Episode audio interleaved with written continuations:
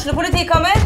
Ine Jansen er purk. Er du purk? The motherfucking bitch. Alt jeg vil, er å finne ut hva som skjedde med mannen min. Jon Carew. Er jeg sikta for noe? Iben Akeli. Det er du. Ole So, Lars Berrum og Big Daddy Karsten. Hvem sin side er du på, egentlig? Anette Hoff, Tone Danielsen, Kommer du fra Afrika?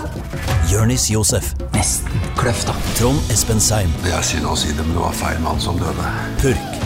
Premiere tirsdag på TV2 Play. Jeg må, jeg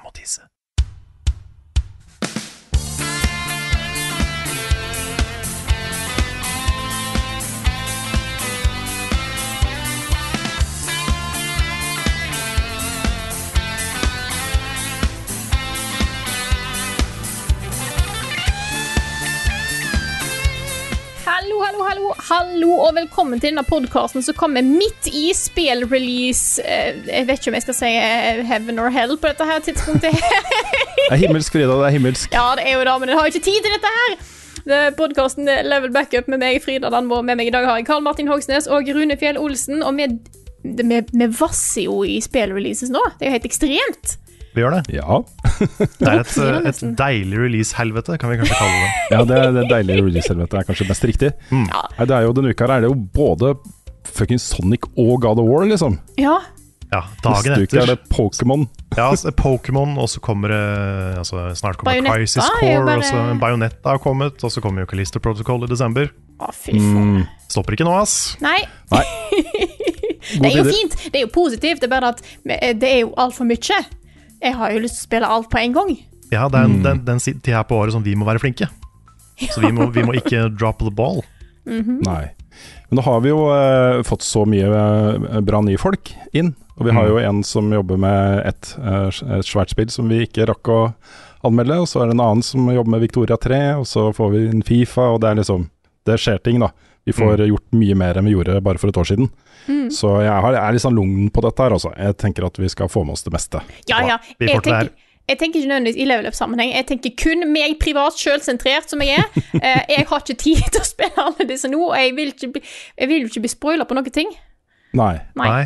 Altså, den selvkontrollen som jeg brukte for å ikke boote opp God of War klokka tolv i natt, Ja, det du klarte det. Jeg burde nesten få en medalje for det, altså. Ja, for det er, nå, nå kom jo da Sonic Frontiers kom ut i, i tidligere i uka. Ja. Det, det er jo sånn det, er, det er jo dere to, det er jo deres, det er jo deres greie, liksom. Mm. Yep. Må prioriteres. Jeg, jeg hadde ikke klart det. Altså, jeg hadde ikke klart Hvis God of War ble låst opp midnatt, og du hadde, hadde lasta ned og den var installert på maskinen Jeg hadde ikke klart og ikke, Vi får bare se hvordan det er de liksom, første minuttene, da, ikke sant. Mm. Jeg, jeg fordi ikke jeg vurderte det sterkt, men så tenker jeg sånn Når jeg starter opp det spillet, så mm. vil jeg ha mange timer foran meg.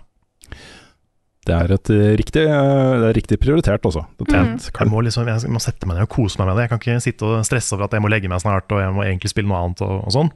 Mm. Jeg må bare synke inn i det. Skikkelig. Jeg klarte jo da eh, Svens hadde jo stream i går, hvor han spilte litt Eldring. Det var ordentlig gøy å se det spillet igjen. Også. Jeg fikk ordentlig lyst til å begynne å ta meg en ny runde, liksom. Um, men eh, helt på tampen av den streamen så gikk jeg jo inn da i God of War Ragnarok, og det var da et par timer før det ble låst opp på PlayStation-konsoller i Norge. Og jeg henta den siste tingen jeg trengte for platinum, så jeg har platinum i det spillet før lansering. Det var uh, Rett Din før lansering, altså. Luring. Bra jobba. mm. Jo takk, det var, eh, det var Det er ikke en veldig veldig vanskelig platinum å få, da, men du må jo være gjennom hele spillet og gjøre alt. Så det er mer et signal om at eh, ok, det spillet her har jeg utforska så langt det lar seg gjøre nå. Eh, Det er ganske deilig. Og så må vi også nevne at eh, til eh, helgen er det Spillekspo, og eh, det, det begynner å se ganske heftig ut. Vi har jo snakka litt om at vi skal være til stede der, og det skal vi på lørdag. Da kommer dere til å finne oss rundt omkring med kameraer og eh, eh, kanskje litt popkorn. Vi skal kanskje se litt uh, sluttspill i Tela-ligaen og kose oss også. Litt den slags. Uh, ja, og så skal både Espen og Sebastian skal fly rundt og filme og lage aftermovie-greier for Tela-ligaen og, eh, og sånt. Og så eh, er jo vår jobb da å lage en kul reportasje derfra. Mm. Så vi vet ikke helt hvem av oss som kommer ennå, men det blir i hvert fall deg og meg, Karl. Gjør det ikke det? Det regner jeg med. Ja, og så eh, kan vi høre da med, med Nick og Svens og de andre om de har lyst til å være med også. Mm. Men eh, jeg er ganske spent, altså. Det er, eh, det er et viktig år for SpillX på dette her, føler jeg. Det er det. det er, eh, nå er vi for alvor ute av pandemien. Mm. Så ja, det er, eh, det er jo en ypperlig anledning for å samle folk med spillinteresse i Norge, dette her. Der, Det er, eh, det er, der har jo SpillExpo et ansvar da, som de må følge opp, ikke sant. Mm. Så, um, så det blir kjempespennende.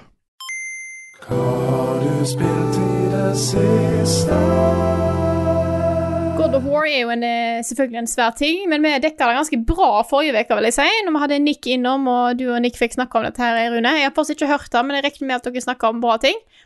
Eh, Ja, Så spoilerfritt som mulig. jeg har hørt gjennom podkast, men jeg hoppa over den delen. For jeg, jeg venter. Du gjorde det? Ja, jeg skal høre alt opp igjen når jeg har spilt det sjøl. Ja, jeg skjønner. Nei, jeg, jeg, jeg syns både Nick har vært flinke også til å ikke spoile noe viktig, og jeg vil bare si igjen at det er viktige ting å spoile i det spillet her. Mm. Så bare vær fortsatt forsiktig, folkens. Selv om du har begynt å spille selv om du er i gang, selv om det er eh, liksom Ok, du er i dette universet nå. Det kommer til å skje ting seinere som du helst ikke vil vite om på forhånd. yeah. Og nå er, du har jo sagt du har fått platinum, så jeg tenker at det er helt naturlig at jeg og Carl bare tar litt ansvar nå, Det er helt i orden. og snakker om Sonic Frontiers. Sonic Frontiers, ass. For det kom jo ut i, i går for oss, tirsdag 8. november. Kan jeg ta en kjapp digresjon om det? Ja, gjerne. Fordi eh, vi, dette er jo Sonic Frontiers og God of War kom ut med én dags mellomrom. Yes. Uh, God of War fikk vi tre uker, tror jeg, før embargo. Sonic Frontiers kom inn halvannen time før embargo. Ja. Nei! Jo, så jeg rakk så vidt å installere det før eh, anmeldelsen kunne publiseres. da. Mm. Wow. Ja. Så det, da, da rakk vi ikke den.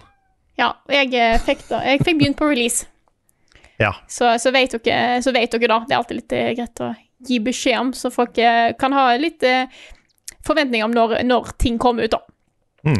Manage your expectations. Yes. Yes. Fordi at eh, vi har jo fått spørsmål om vi skal anmelde det, og hvem som skal anmelde det. Og planen er jo å gjøre eh, like last time, eh, Carl. Det er det. Det blir, eh, det blir dobbel, dobbel anmeldelse. Både Mhm. Frida og meg som skal mene ting om det spillet her. Jeg, -hmm.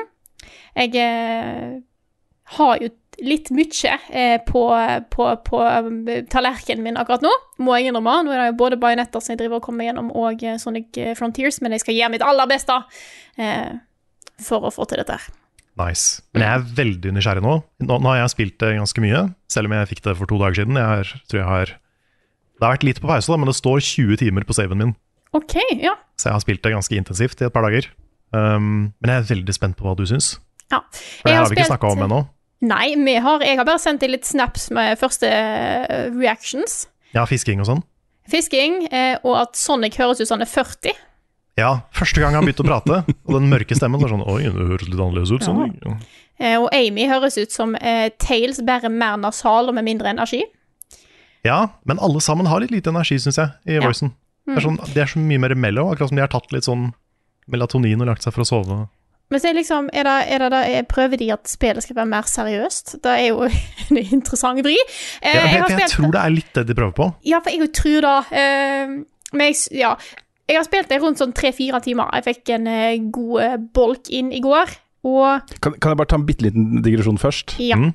Bare sånn at ikke vi havner i trøbbel igjen. Fordi Forrige gang vi snakka om melatonin i den podkasten, så fikk vi jo eh, spørsmål om, eh, om eh, hvor eh, eh, sunt eh, helse, helsebringende det er. da. Ja, hvis, så jeg hvis, håper hvis da, hvis, hvis disse, hvis man har hjerteproblemer, ja, hvis man har Ja. hjerteproblemer, så skal man jo være litt forsiktig. Men for, ja, for de aller fleste så er det ikke farlig. Altså. Det er jo bare Nei, nei, nei. naturlig stoff som kroppen produserer. Ja, ja, ja. Men jeg bare håper da disse rollefigurene i Sonic eh, har snakket med legen sin før de da eventuelt Ja, det har tatt melatonin. Ja. Det Kan, det kan det kanskje være lurt. Ja. Smart, smart, Ja. smart. Eh, men ja uh, Dette er jo et interessant spill. Eh, f- det er alle Sonic-spill er jo da. Eh, vi kan jo ta premisset her. Sonic og gjengen blir kasta inn i en digital verden. Ja, men ikke bare en digital verden. Det er også en sånn Nei. ancient ruin-verden. Ja, så det er helt klart no noe. Holdt jeg på å si. Og vi har jo tidligere så ble det jo vist en liten eh, animert kortfilm med Knuckles, som òg har blitt kasta inn i den samme verden fra en portal på Angel Island, det heter det ikke? Jo. Jo. Det er den øya som Knuckles er guardian over. ja. Der han bare står. Mm. Han bare står på. og stirrer litt. Eh, så nå har hele gjengen havna inni, inni her, og eh, Sonic skal redde folk eh, som har blitt trapped. Ja, de er blitt sånn digitalisert, på en måte.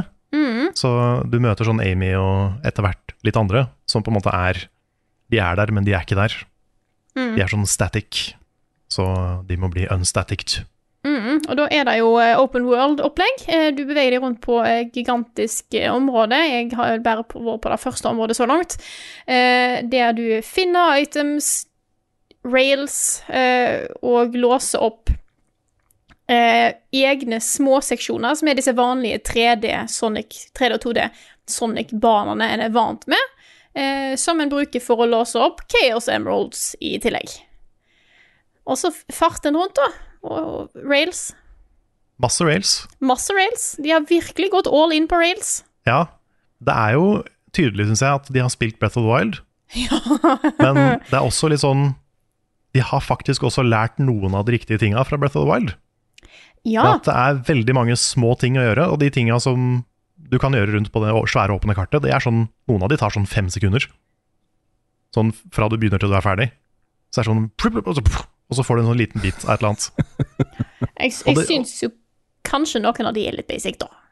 Ja, i starten så er det det. Ja, OK. Det blir, Etter hvert, det etter hvert også så er de kanskje det, men, men de, er, de, er litt, de blir litt mer eh, intrikate og litt mer fancy etter hvert. Ja, OK.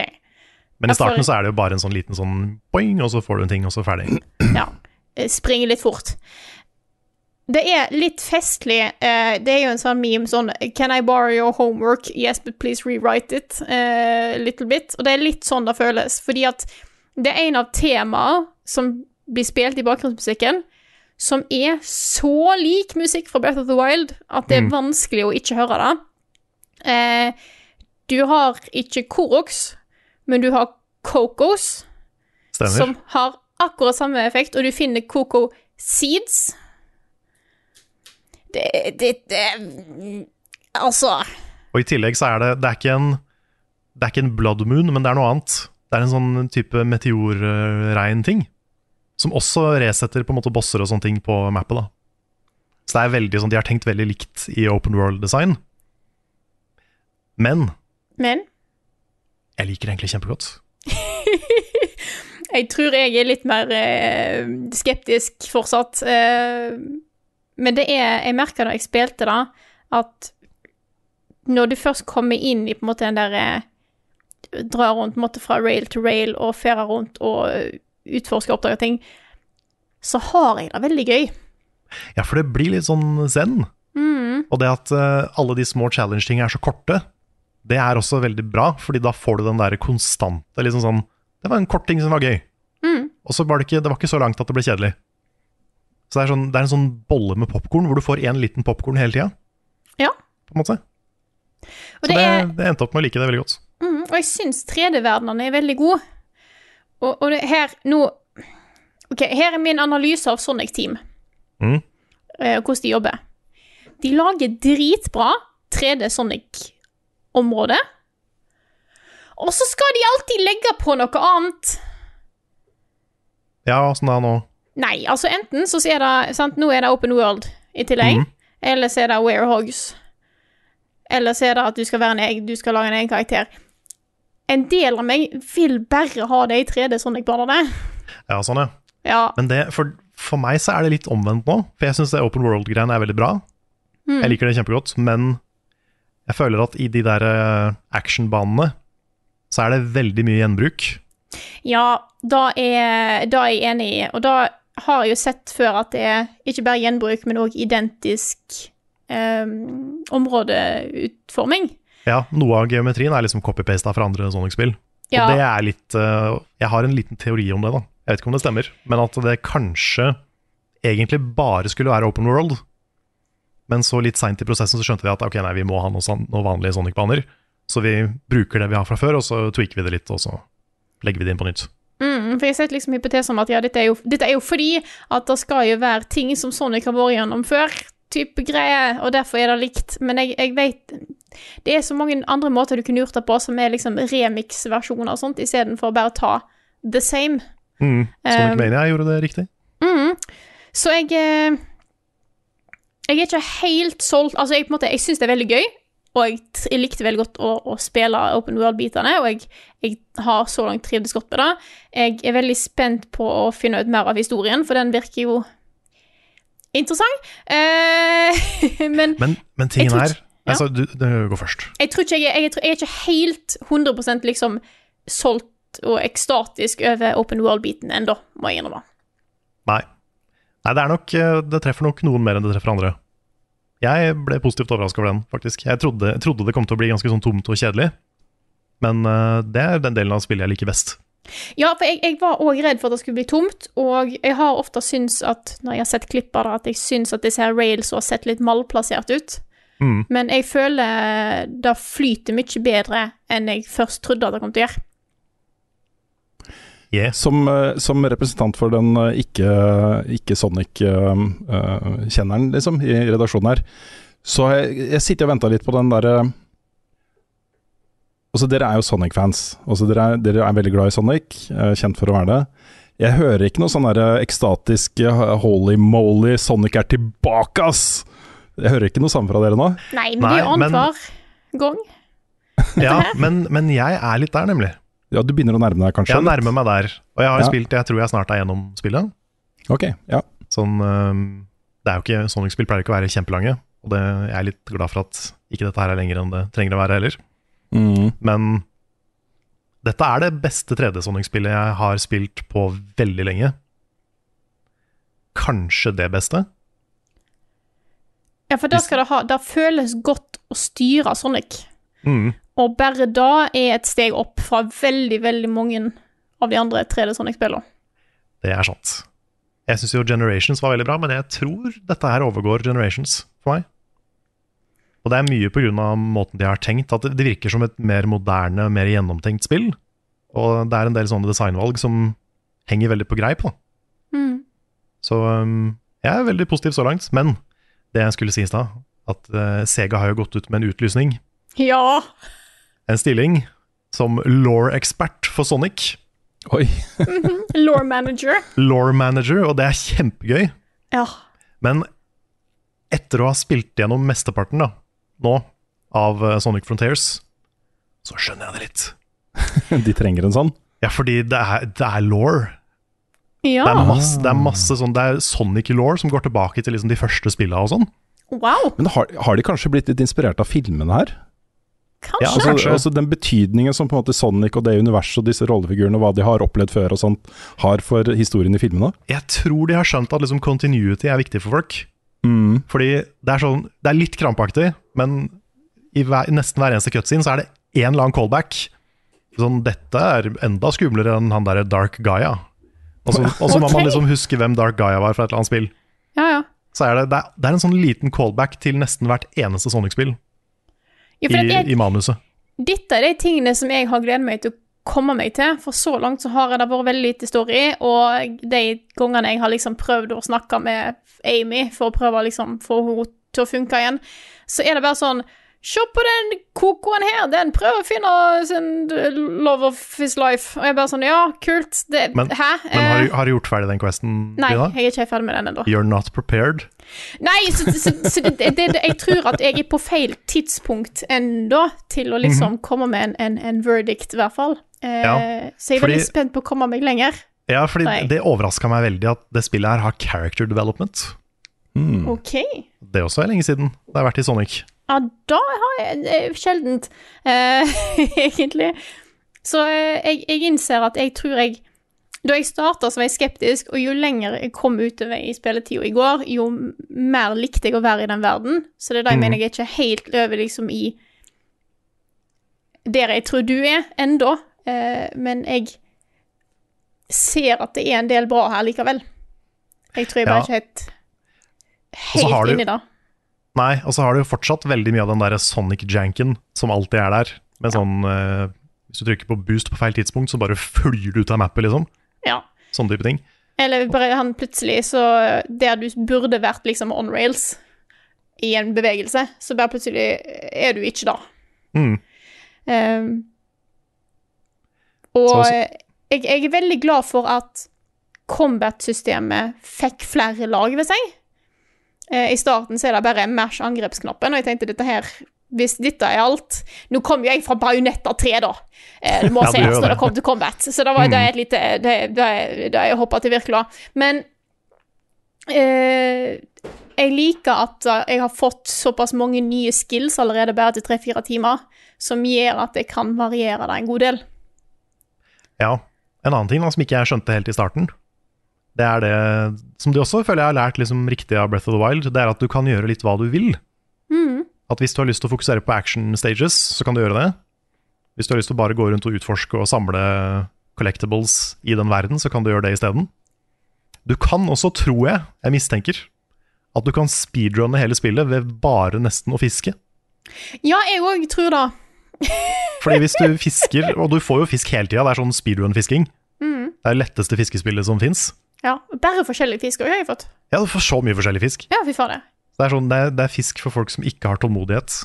Det er bare sånn derre Å, fisk og ny fisk og ny fisk og ny fisk. Det er sånn Animal Crossing på, på steroider. Mm, jeg begynte med å få en sånn der Malin. Ja. Sånn der gigagreie. Bare sånn, dette her Det er det vi begynner, ja. ja. Til og med gullfisken er nesten for stor. Ja. Sånn bare dritsvære fisker. Men, men fordi hvis du fisker, så får du sånne tokens. Og de kan du kjøpe masse av det du trenger for å uh, få progression i historien. Så du kan jo faktisk bare grinde ut de via fisking, og så bare fokusere på historien etter det. ja. Du er nødt til å få tak i tokens stream. for å kunne fiske, da, bare så det er sagt. Ja, du må ha sånne, sånne purple coins. Yep. Mm. det er selvfølgelig, Du må jo betale Big the Cat for å kunne fiske. He's back. Vi er sånn der lofi-soundtrack, Ja, som egentlig er utrolig fascinerende eh, å putte inn. Men er ikke dette her en stream-idé eller noe sånt? Det har også kommet seg til slutten av eh, Sonic Frontiers bare med å fiske. Jo, jeg Jo. tipper det kommer til å bli en kategori på GDQ. Ja, det er kult. At du liksom bare du, du speedrunner rett bort til fiskestedet, og så runder du Mm. spillet via det. Kult. Men det, jeg, for det, jeg tenkte først liksom, er dette her en feil? Har de ikke tenkt på at du kan bare skaffe deg alt i spillet ved å fiske? Men jeg tror det er bevisst. Jeg tror de har gjort det fordi liksom, det skal være mange måter å kunne spille det på. Da. Mm. Og jeg liker det litt. Jeg har jo eh, Jeg gikk jo tom for eh, purple coins, dessverre. Mm. Eh, men du som har spilt et stykke, er det, er det lett å få tak i mer purple coins underveis? Bare vent til det kommer en meteor shower. Ah, shit. Ja, for jeg har ikke hatt meteor da- shower ennå.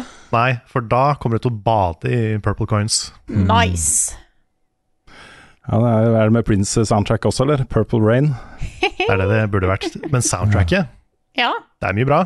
det er mye bra. Absolutt. Det jeg liker veldig godt eh, måte den blandingen av Igjen, helt klart eh, Breath of the Wild-inspirert, mer sånn lett, eh, behagelig pianomusikk i det du ferer rundt i området. Men de teknogreiene som er ellers Stor sans for det, altså. Ja, etter hvert så kommer det litt dubstep og kommer mye forskjellig. Ja, ja. Og så er det en, en av de første banene har en sang som jeg tror handler om å dø. For det handler om liksom going into the light. Ja. Så er det en dame som driver og synger at hun går inn i lyset hele tida. Disappearing. Så det er uh, Ja, stemmer den sangen, ja. Ja, ja. Den var egentlig ganske kul. Den er litt kul. Handler om å dø, tror jeg. Så eh, nok en gang er dette det, jeg, er ikke, jeg er ikke helt sikker på hvor jeg er ennå, men jeg er, jeg er Nå kan jeg ha hørt litt veldig negativ ut, men jeg er, jeg er svakt positiv og optimistisk rundt dette her så langt. Det må nevnes. Ja, jeg er veldig spent på hva du syns når du kommer gjennom det. Ja. For jeg har, Jeg har vært ganske mye opp og ned mens jeg har spilt. Ja. Men jeg, nå er jeg snart på slutten, og det, er, det har jo gått litt opp, altså. ja men det er bra. Det er godt å høre. Uh, for jeg, jeg det, Altså, problemet er jo litt av at når Sonic-spill har vært så opp og ned over så lang tid, så tør en ikke være positiv, og da er det lettere bare sånn Ja, OK, det var kanskje litt OK, det det er litt rart her, òg. ja, OK, ja, det, det Så du, du går kanskje litt Jeg går litt lettere i de tankesetta av historien til Sonic. Ja, jeg merker jo det, jeg òg. Og for kontekst så ga vi jo Sonic Forces, det forrige spillet, ga vi jo fire. Ja. så eh, det var ikke veldig bra. Nei. Så eh, så langt vil jeg si at vi havner langt over en fire. Mm. Det gjør vi. Eh, mm. Så hvis du er Sonic-fan, så er det, eh, vil jeg si i hvert fall etter tre-fire timer, vil jeg si at det er verdt å teste ut. Og du, Carl, etter 20, vil si Det er veldig verdt å teste ut. Altså Hvis du bare har penger til enten God of War eller Sonic, så ville jeg kjøpt God of War. Ja, kanskje da, ja. Jeg tror, tror jeg ville kjøpt God of War da. Men, um, men hvis, du har, hvis du har penger å avsette begge to, Ja. så er det kos. Jeg skulle til å si Dessverre så funker ikke Jeg skulle til å si hvis du, hvis du på død og liv måtte ha et spill eh, eh, 8. november, eh, så ville jeg gått for Sonic. Mm. Da ville jeg gått for Bajonetta, tror jeg, men det er en annen sak. Det er Ja, men det er så Fordi hvis du tar litt, litt sånn her flavor-messig, da, så Mm. er God of War Det er en sånn svær biffmiddag. Mens Sonic Frontiers er en bolle med popkorn.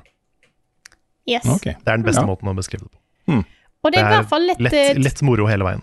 Ja, Ja. det er i hvert fall lett tilgjengelig, for der eh, eh, Dette er jo ikke uh, eh, eksklusivt på noe som helst. Du har det på Switch, PlayStation 4 og 5, Xbox One, uh, X og S og Steam. Ja, Jeg spilte det på den der skjermen på bussen på vei til jobben i dag, faktisk. Ja, det? Ja. Mm, nice.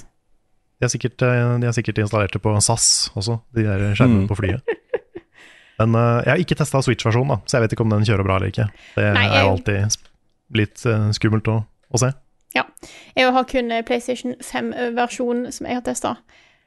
Men Det den er jeg- eh, smooth 60, altså. Ja, ja, absolutt. Jeg liker at eh, Sega virkelig går inn for at vi skal ha eh, eh, loading screens der du skal gjøre noe. For Bajonett òg har jo eh, combat eh, i loading screens. Mm. Så det er ting de liker. Det liker jeg òg. Kjekt å ha noe å gjøre. Eh, Det, det laster så fort på PlayStation 5 at det er liksom bare et par sekunder, så jeg, jeg rekker ikke å gi gjøre noe egentlig, men nei, uh, i nei det, er, det er sånn der eh, Her er en tutorial, du kan gjøre sånn, og så ferdig. Ja. ja. Har du noe mer å tilføre på Sonic, eh, Carl? Åh, det er så mye jeg har lyst til å si, men jeg, noen burde jeg spare til anmeldelsen. Ja. Men uh, nei, Sonic har stats. Ja, Sonic har stats! Ja, og det, det var en tabbe jeg gjorde i starten, så ikke gjør den tabba jeg gjorde. Okay. For når du kommer til den der banen som har eh, 'Going into the light disappearing', Ja. sangen, så er det en S-rank der som er helt ridiculously vanskelig. Ja, fy faen! Det er sånn Jeg tror det må være en bug, fordi ingen av de andre er så vanskelig. Nei. Den er sånn vanvittig mye verre enn de andre. Men du kan upgrade speed etter hvert. Så hvis du gjør det, og så tar den seinere, så er den sannsynligvis lettere. Jeg prøvde meg på den i, sent i går kveld. Etter noen upgrades. Jeg bare sånn Hæ? Jeg satt i 40 minutter. Å, herregud. Men jeg klarte det til slutt, da. Du gjorde det? Shit. Ja, Men det var, det var sånn på millisekundet. Ja. Ja, og så gikk jeg tok en annen bane, og der fikk jeg S-rank ganske fort. Så det var litt sånn Å ja, OK, ja, men greit. Da, da bare venter vi med den. Men eh, nei, Sonic Frontiers, det er kos. Jeg koser meg skikkelig. Overraska over hvor mye jeg koser meg. Er det jeg sa at det kom til å være overraskende? Ja, Det var min du hadde prediction. rett. Jeg hadde rett i det. Nei, jeg er veldig spent på å se hvordan dette, her, eh, hvor dette her går. Nå eh, blir det å, å eh, bytte litt på Sonic og, og bajonetter framover. Prøve å liksom få til begge deler. Nice. Kan jeg snakke om Bajonetta nå? Ja. Herlig. Uh, forrige gang så hadde vi bare spilt et par timer. Nå har jeg spilt det masse. Uh, det er kjempegøy. Jeg har det veldig gøy med Bajonetta. Det er Det er et kjempegøy combat-system.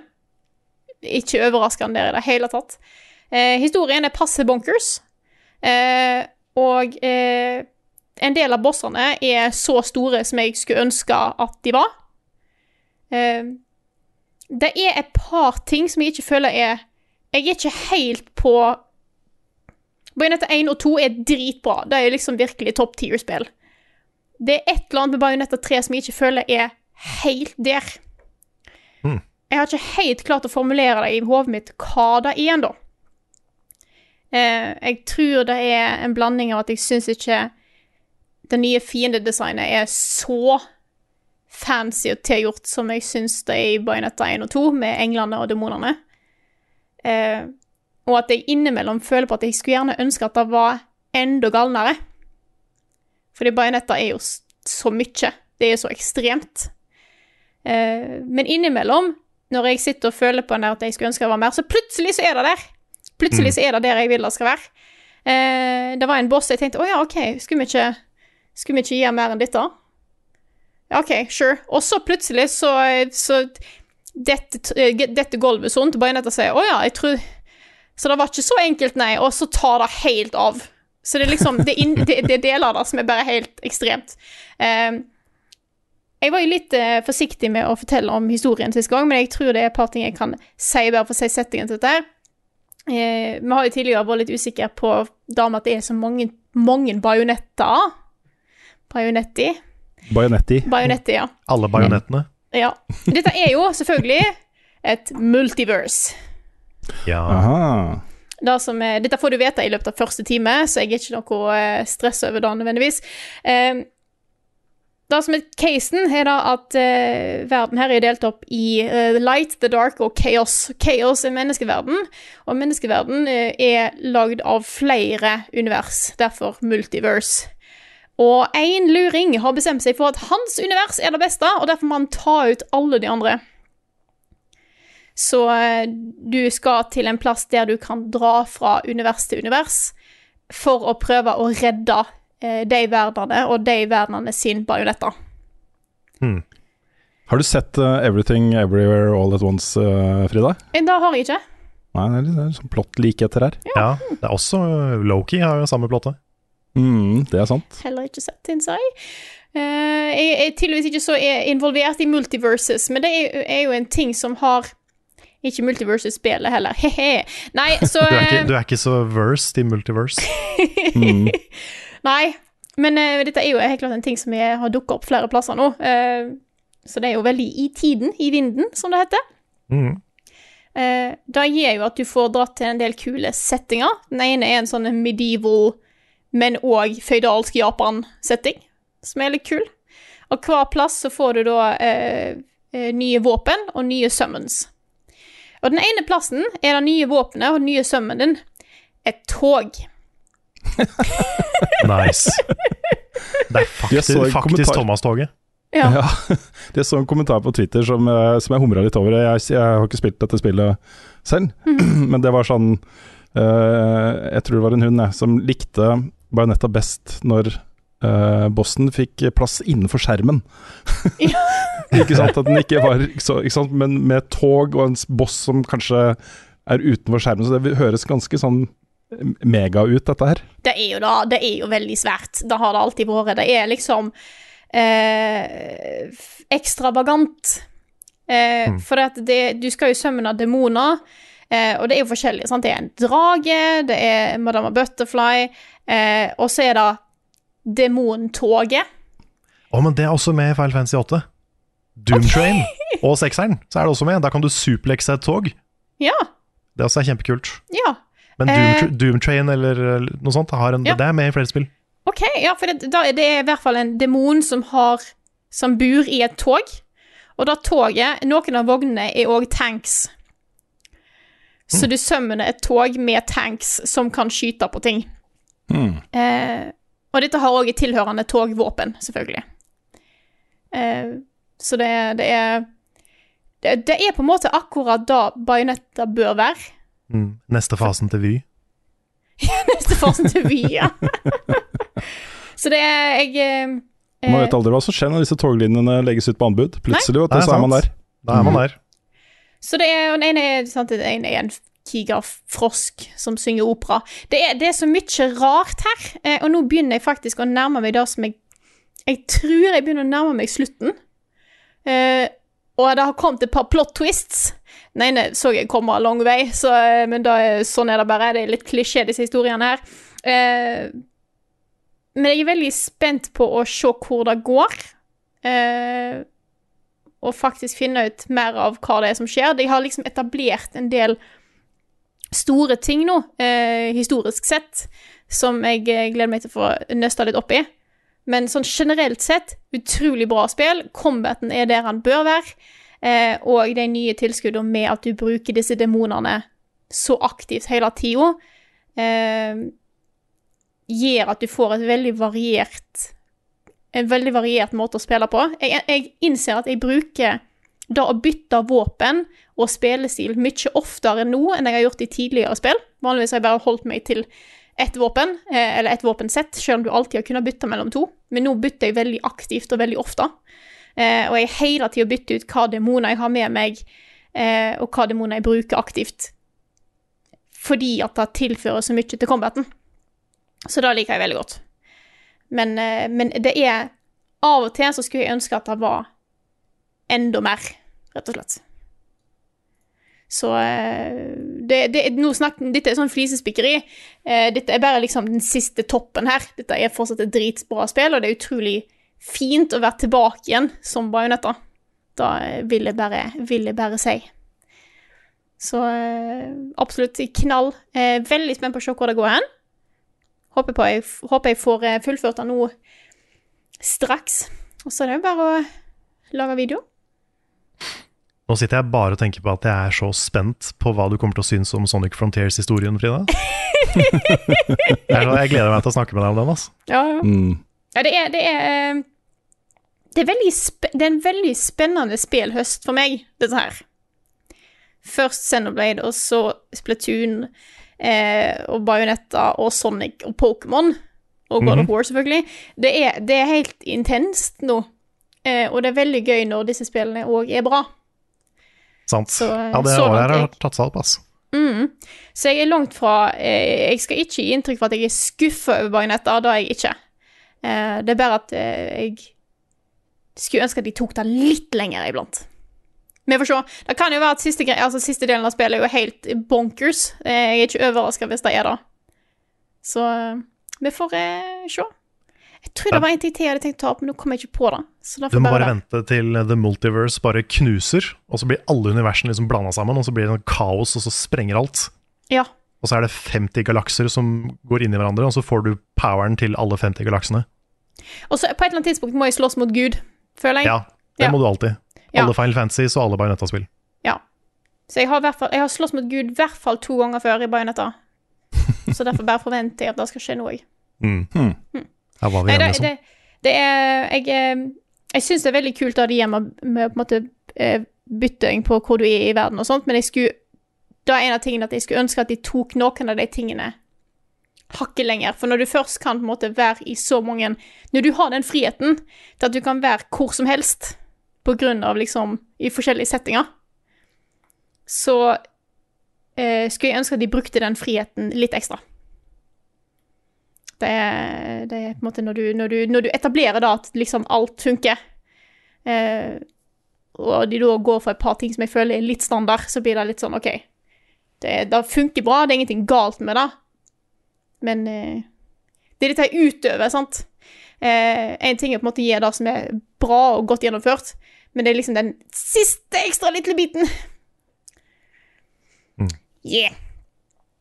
Men det er generelt kos meg. Jeg gleder meg til å få med meg resten. Uh, og uh, da jeg husker vi snakka om før det, før det kom ut, så vi var litt usikre på, på måte, om hvor mye bajonetter har som roller i spillet. Da er ikke noe du trenger å være redd for. Uh, Bajonetta er, er, helt klart hovedkarakteren her i, i, spillet. Og du er litt som Du spiller litt som noen av de andre, blant, blant annet nye Viola, eh, som eh, Som må jo få en del kule powers! Er veldig stilig. Eh, og eh, en gammel kjenning, Jean, som òg dukker opp. Men det er helt klart eh, det er mye bajonetter, så ikke vær redd for at dette er et spill som mangler bajonetter i seg. Så den uh, hovedrollen til Bajonetta er minst verdt 15 000 dollar, uh, stemmeskuespiller? Jeg vet ikke helt hva jeg skal kommentere det. minst, minst det, da. Minst det. Minst det. Men da tror jeg jeg og, jeg og Carl har snakka fra oss. Eh, av det vi Av det vi ville. Eh, og jeg ser, mm -hmm, og jeg ser at Rune bare sitter og, og rister, eh, for han har så mye han har lyst til å snakke om i, i tillegg, som ikke er God of War. Ja, altså jeg, har, har, jeg, må innrømme det har vært ordentlig vanskelig for meg å sitte og høre på dere prate om eh, Sonic og, og Bayonetta, fordi jeg har så mye på hjertet. Så, det har vært litt av en uke, skal jeg si dere. ja, du har hatt en uke. Jeg har hatt litt av en uke. Jeg har lyst til å begynne med noe som skjer i morgen, fordi uh, i morgen er det jo um, uh, dataspillkonferansen til Medietilsynet. Bare innspill, for jeg skal, holde, jeg skal lede en uh, sånn paneldebatt der. Sånn Q-cards. Hvilke farger bør jeg gå, bør jeg gå for? Liksom sånn pastell jente Det er jo mye jenter og gaming det handler om, da. Pastell jentefarge på Q-cards, eller sånn kjønnsnøytral gulfarge på Hva er det som er morsomt? Jeg må channele min indre nikk og si gul. Ja, gul. jeg er enig, på, ja. enig med gul. Ja. Jeg føler vi kan ikke si noe annet enn gul. altså det driver jeg og forbereder, da. Den paneldebatten den blir kjempespennende. Eh, En veldig spennende konferanse i det hele tatt. Um, Jeg har også vært i Lillestrøm og holdt et foredrag for eh, senioruniversitetet der, for rundt 100 pensjonister, om dataspill. Eh, Jeg skal ikke dra hele historien, men eh, jeg kan jo nevne at, at foredraget ble avbrutt av en ambulanse. Eh, det gikk bra, også. det gikk bra men allikevel. Og at det var litt tekniske problemer. Men det, var en, det, er, det er gøy da å snakke om spill for, for en målgruppe som kanskje ikke kan så mye om spill. Jeg syns det er veldig spennende. Ja, hvordan, mange gode spørsmål. åssen gikk du fram da, når du skulle forklare liksom, spill for noen som kanskje ikke har spilt Pacman engang? Liksom? Ja, Det var det som var litt problemet, for 90% av foredraget mitt var jo nå skal jeg vise, liksom. Jeg skal masse eksempler, vise hvordan disse spillene er og hvordan man spiller de og, og sånt. Og så funka ikke det tekniske i sånn 70-80% av tiden som jeg var oppe på scenen. så det var en utfordring, men eh, det gikk greit. Så, um, så ja. Men eh, nok om det. Um, jeg har også denne uka her har vært helt vill. Jeg har jo da allerede nevnt at jeg har fått platinum i God of War Ragnarok, men jeg har også jeg har runda Sommerville, Oi. som kommer den 15. Dette er jo det nye spillet til uh, Dino Patti, som var en av de to som grunnla um, Playdead. Dette er jeg spent på. Mhm. Ja, så hvis du er glad i Limbo og Inside, som jo er Playdead-spillene, så er jo Sommerville har jo noen fellestrekk med de spillene. Uh, Dette er et spill vi har gleda oss veldig til. Kan ikke si noe om det ennå, men jeg har skrevet manus til anmeldelsen, og den kommer til utgivelsen. På Hos NRK. oss. Hos oss? Hos oss. Hos oss, Kommer så hos gøy! oss. Ja. Ja, nice. Mhm. Og så har jeg, hold dere fast, jeg har fulgt The Golden Path og fått platinum fra en Tunic på PlayStation 5. Fuck yeah! Og jeg bare, altså det, det, er nesten, det er nesten sånn at jeg burde bli satt i fengsel for å ha lagd en anmeldelse av det spillet uten å på en måte vite hva de Golden Path-tingene var.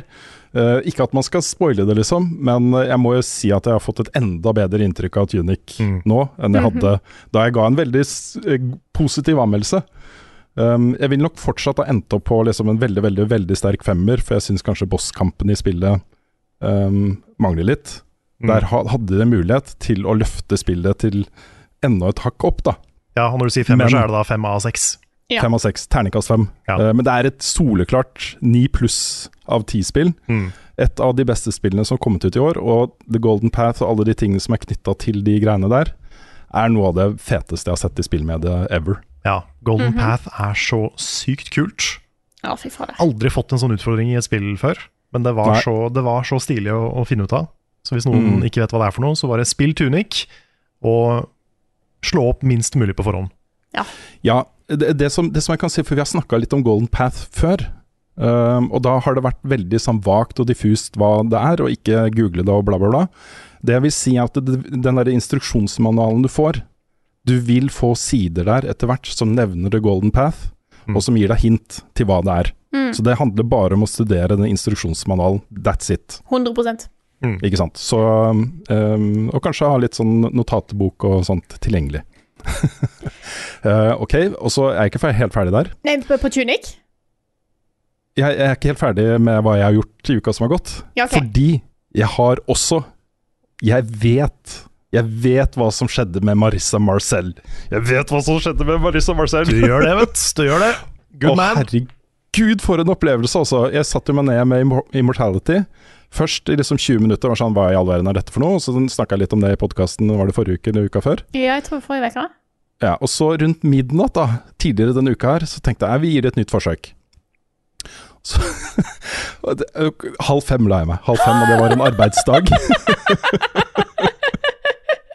Det spillet har den effekten, ass. Og, det, og noe av de mest minneverdige og sterkeste spillinntrykkene jeg har fått noen gang. Altså.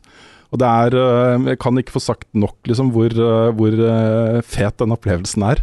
Og hvor rett du har, Carl. Dette er et av årets aller, aller, aller beste spill. Noe av det sterkeste jeg har opplevd i spill. Og så er det jo så annerledes alt annet. For Mm. du sitter, jeg sitter jo bare der med håndkontrolleren, og det jeg har lyst til å nevne, da. Spill det med håndkontroller. Selv om det er på PC. Ja. Med sånn rumble vibreringsfunksjon. Ja, jeg spilte det med mus, og det funker, men det er kulere med kontroll. Ja, for det som skjedde med meg, skjønner du, var at jeg satt og spilte med mus og tastatur. Jeg trodde det var måten man skulle spille det på, på PC. Og så plutselig så går jo kontrolleren min, som er kobla til av bananas på bordet ved siden av meg, og vibrerer så i de helvete. Jeg bare så Å, hva skjer? Og så begynte ikke sant? Det begynte å åpenbare seg litt greier som, som eh, jeg ikke skal snakke om. Mhm. Men eh, jeg har også lyst til å legge til at, eh, at eh, det som har hindra meg litt fra å spille Immortality før, er at jeg, har, jeg ble litt sånn stressa av, eh, av eh, den introguiden i spillet. Hvor det sto liksom at du kan ta skjermbilder fra ting, og du kan sortere klippene i den rekkefølgen du vil, og lage favorites og alle de tingene der. Det er ikke voldsomt komplisert, men det er liksom nok da, til at jeg tenkte her må jeg aktivt gå inn og, og sette sammen historien. Men det trenger du ikke, for det gjør spillet for deg. og Du kan bare sitte der med håndkontrolleren og se klipp etter klipp etter klipp etter klipp etter klipp etter klipp etter Mm. klipp til du ikke orker mer, eller må gå og legge deg klokka halv fem f.eks. Ja. Um, eller um, Ja. Det, det, det spillet, spillet ordner alle de tingene i bakgrunnen. Så Det er helt sant. Jeg brukte ikke noe favorite-system i det hele tatt da jeg spilte. Det var bare, For meg så handla det bare om å se på klipp og studere og koble sammen ting. mm. Det Nei, er, så jeg har fått, uh, jeg har fått uh, alle de nøkkelsekvensene. Jeg har ikke fått alle achievements, men jeg har fått den rulletekst-achievementen. Mm. Som jo er um, um, liksom den hovedgreia. Da har du gjort alt det du virkelig trenger å gjøre. så, og jeg vet hva som skjedde med uh, Marissa Marcello også. Det, jeg skulle ønske ikke jeg visste det, for at jeg kunne bare gå inn og så oppleve dette her en gang til. Fordi det er en sånn type opplevelse. Nei, det, det spillet her er helt magisk, altså. Og det mm, Jeg syns det er det beste spillet til Sam Barlow også. Mm. Jeg digga Her Story og likte Telling Lies, men det her er liksom Det er på et annet nivå for meg, altså. Ja, th- uh, This Man Is Going Places også. Bare tenk deg den uh, impacten han har på interaktiv historiefortelling og bruk av FMV og film og ekte skuespillere og, og historiefortelling og, og sånt. Uh, og uh, Immortality har så mange lag ved seg også, hvor, hvor det overbyggende temaet så ser du litt på liksom uh, besettelser til menneskeheten. da. Du har den ene film, En av disse tre filmene som du skal grave i arkivmaterialet fra, handler om religion. Mm. Uh, den andre handler om kunst og, og besettelse av kunst, og den siste handler om penger og makt, ikke sant. Uh, og, og sånn eh, celebrities og eh, den derre besettelsen der. Ja. Og det å utforske de tre temaene satt opp mot menneskehetens besettelser i vårt århundre, eller det siste hundreåret, liksom, er Det er så smart gjort, da. Det er så eh, clever. Mm. Jeg digger også hvor forskjellige de tre filmene er. Ja. For de er jo laget på forskjellige tiår, da, egentlig. Mm. Og den første er jo en, for det første i 4-3-format, og veldig sånn Det er en mørk religiøs thriller, liksom. Mm. Nesten sånn skrekkfilmaktig. Mens den andre er mer et sånn detektiv-mystisk type opplegg. Mm. Og så kommer den tredje, og den er mye mer sånn moderne Hollywood. Mm. Og den kontrasten mellom de, og hva det kanskje betyr, også er veldig sånn kult. Ja, du har en sånn Harvey Weinstein-figur der, eller en sånn eh, altså en, en milliardær, eh, ikke sant, og Ja. måten han behandler kvinner på, og du har eh, den popstjernen, og det er liksom masse greier da, som du kjenner. Det Da eh, Video Music Awards til MTV er eh, med her, liksom, talkshows og Mm. ja. Eh, Så egentlig bare oppfordringa er eh, klokkerein, altså. Hvis du har en PC eller en Xbox, eh, spill, spill Immortality, altså bare gjør det. Vi snakker tipper jeg en to-tre timer før du begynner med ja, altså, Nå skjønner jeg hvorfor Carl og Rune anbefalte Immortality. Det, det tar et par-tre timer. Mm. Eh, kanskje bare én time hvis du eh, har litt flaks, da. Um, um, og etter sånn fem-seks kanskje, så begynner du å tenke at nå har du liksom fått med deg det meste. Men du kan fortsette å grave, da. Uh, og bare se alt som fins. Og det tipper jeg er sånn 10-11-12 timer eller noe sånt. Jeg tror det er rundt tolv timer ja, til sammen. Så, så dette er ikke en stor tidsinvestering. Du vil få den der opplevelsen som Carl og jeg sitter og, og, og er sånn blown away av etter bare veldig kort tid. Og så fortsetter det å være sånn. Mm. Og jeg tenker på det spillet hele tiden, og det er så, det er så utrolig kult at jeg har fått opplevd dette her, altså. Jeg er uh, helt solgt. Ja, jeg også har tenkt på det nesten daglig siden jeg spilte det, og det begynner å bli noen Mm. måneder siden nå. Ja, vi satt det, det var jo morsomt, for jeg begynte jo som sagt da rundt midnatt, og så begynte det å skje ting. Og så visste jeg at Carl er sikkert oppe, så jeg begynte å sende meldinger til deg, ikke sant. Ja, men når, der, når du får den der åpenbaringa litt for seint på kvelden, ja. det sitter, ass. Ja, det sitter så sjukt. Jeg har to andre opplevelser som er helt like. I, i, i hvilken impact det har hatt på meg. Det ene var da jeg satt og så Ringu helt aleine midt på natta på en uh, stor plasma-TV. Og hun Sadoku, eller hva hun heter, kommer ut av brønnen og så ut av TV-en. Eh, det, var, det var sånn, ikke sant Gjorde ordentlig inntrykk på meg, da. Um, og første gang jeg så Bob i Twin Peaks, også var det en sånn Ja. um, Det er ting som foregår her, Mm. som uh, Ja. Dette er, dette er uh, uh, solide greier også. Uh, det er tilgjengelig på GamePass til og med, folkens. Så Mm. hvis du har GamePass, så bare sett deg ned, ikke les noe om det. I hvert fall ikke google det. Jeg Nei. advarer om at uh, Wikipedia-siden til det spillet her uh, spoiler hele plottet fra liksom toppen av. For jeg har gått og, gjort litt research i etterkant. Hmm. Så bare spill det. Ja. Ikke, tenk, tenk, ikke tenk, bare spill det, og se på disse klippene og begynn å spole litt fram og tilbake og sette sammen ting og klikke på ting og, og sånt, så, så er det der, altså. ja, jeg vet du har eh, mange spill å spille nå, Frida. Men det er på eh, lista. you, got, you gotta play this. Ja, du må, du må det, Frida. Det er obligatorisk. Ja. Jeg er har lyst til å prøve å finne en måte å streame det på også. Det er veldig kult hvis Mm. noen som ikke har spilt det, tar en stream en gang. Ja. Det vi må løse der, er hvordan vi skal eh, sensurere the boobs. Mm. Fordi Ja. mest sannsynlig så er ikke det lov på Twitch. Nei. Så hvis vi klarer å hotkeye liksom en blur-knapp eller noe sånt, Mm. så kanskje vi kan gjøre det. En av de morsomste tingene, fordi mye av det de gjør i det spillet her, er jo også eh, stoppe opptaket, og så eh, klikke på noe som er på skjermen. Det kan være alt fra gjenstander til personer. Det er mye personer, da. At du skal liksom linke personer fra scene til scene og den type ting. Men det er også gjenstander og andre ting. Og En av de morsomste sekvensene her er jo når du klikker på boobs. Hvor du går liksom fra én boob til en annen fra liksom uh, Det visste jeg ikke at det gikk an, faktisk. Nei, det går an. Ha. Jeg har gjort det.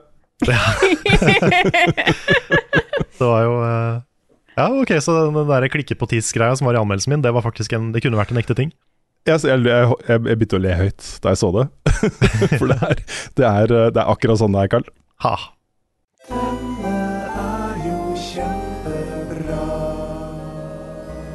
Ukens anbefaling.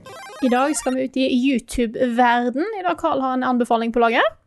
Det har jeg, det stemmer. Jeg har jo uh, lenge uttrykt min kjærlighet for eh, spillmusikk. Og det er mange som spør om hvor jeg finner spillmusikken min og sånne ting. Svaret på det er egentlig overalt. Det er sånn folk laster opp på YouTube, og da finner jeg det. Så det er, jeg har ikke noen sånn fancy spilleliste og sånn som jeg bare lett kan dele, dessverre. Men Mm, du snubla inn en busk her om dagen også. Der lå det litt spillmusikk. der lå det litt Ja. spillmusikk. Jeg mm. det med meg, tok det med hjem. Ja. Måtte bare skylle litt i vasken først, og så var det bra. Ja. Mm. Men nei, en YouTube-kanal eh, som jeg har lyst til å anbefale i dag, den heter GameChops. Og det er eh, spesifikt en live livestream som de har, som går Jeg tror den går 24 timer i døgnet på YouTube, som heter Video Game Study Lounge. Å, den er fin. Den er så bra. for Det er sånn rolig lofi spillmusikk som du kan ha på i bakgrunnen mens du jobber. Eller jobb, om det er skole, eller om det er jobb, eller whatever. Så kan du liksom ha den på i bakgrunnen. Sånn rolig spillmusikk som ikke tar for mye av uh, oppmerksomheten din, men som er veldig deilig å ha på. Så det er uh, kort og greit anbefalinga denne uka her. Det er uh, Video Game Study Lounge fra GameChops. Så hvis du bare søker på Game, GameChops, så kommer den opp. Det er veldig veldig behagelig og veldig digg. Veldig mye fin musikk. Her kommer nyheter med Rune Fjell-Olsen, og han har ikke hår. Hvis du hører på denne podkasten i det øyeblikket den kommer ut, så sitter jeg i salen på eh, dataspillkonferansen til Medietilsynet. Det er et utrolig spennende program der. Eh, og det er jo da en konferanse i forbindelse med presentasjonen av ferske tall fra deres barn og medier-undersøkelse. Det er en undersøkelse som kommer jevnlig. Den måler eh, medieforbruket til barn og unge i eh, Norge. Fra 9 til 18 er vel det eh, aldersgruppen som de eh, eh, konsentrerer seg om da, i den undersøkelsen.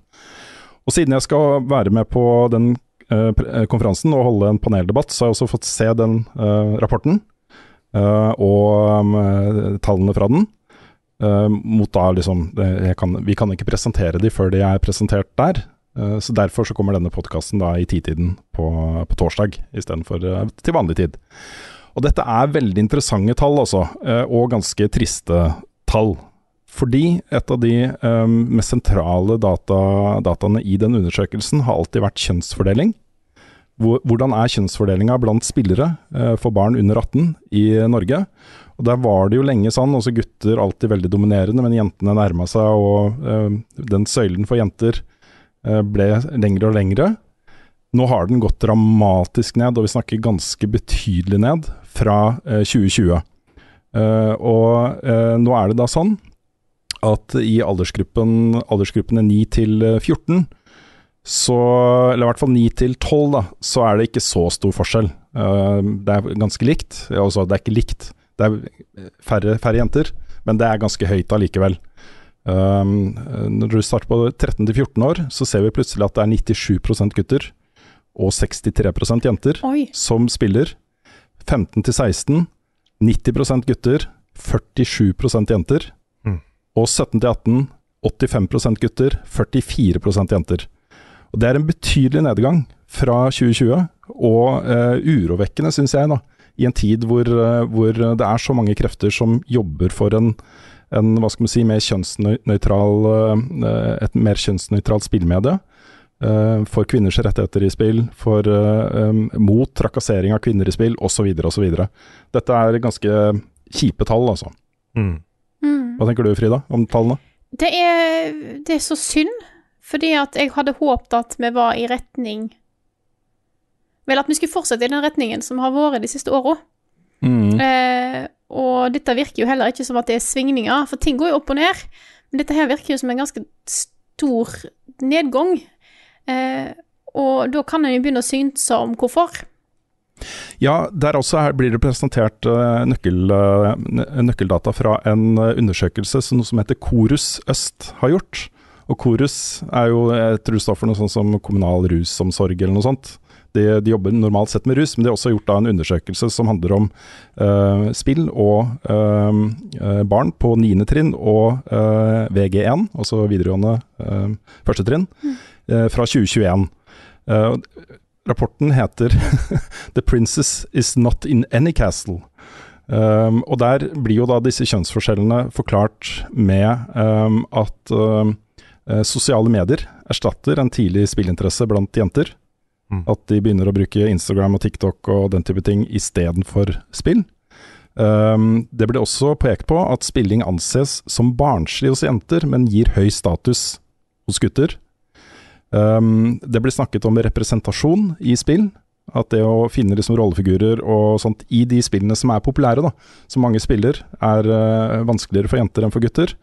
Eh, og så blir det også pekt på at i um, barne- og ungdomsårene så er det veldig mye lagspill og konkurransespill uh, det er snakk om. Og uh, det fokuset gjør at, uh, at mange jenter kvier seg for å delta, fordi de um, Det er ikke den siden av spill de foretrekker. Um, det, jeg jeg syns alt dette her er på en måte gode forklaringer. Jeg merker jo den forskjellen selv hjemme, og vi har jo ganske kjønnsnøytral tilnærming til spillmediet hjemme hos oss. Eh, jeg har en jente på 11 og en gutt på 10. Og dattera mi er sjukt mye mer opptatt av uh, sosiale medier enn en det sønnen min er. Uh, og sønnen min er spillgæren, liksom. Er, det er det hans viktigste spill, fritidsinteresse er spill. Uh, men den havner et stykke ned på lista for, for dattera mi selv. Men hun spiller mye, hun også. Hun spiller Roblox og, og Minecraft og litt Fortnite og sånt. Men det er viktigere, viktigere for sønnen min enn for dattera mi. Eh, det, det merker jeg ganske tydelig, altså. Det er Det er Når jeg hører de tallene her, så er jeg ikke overraska.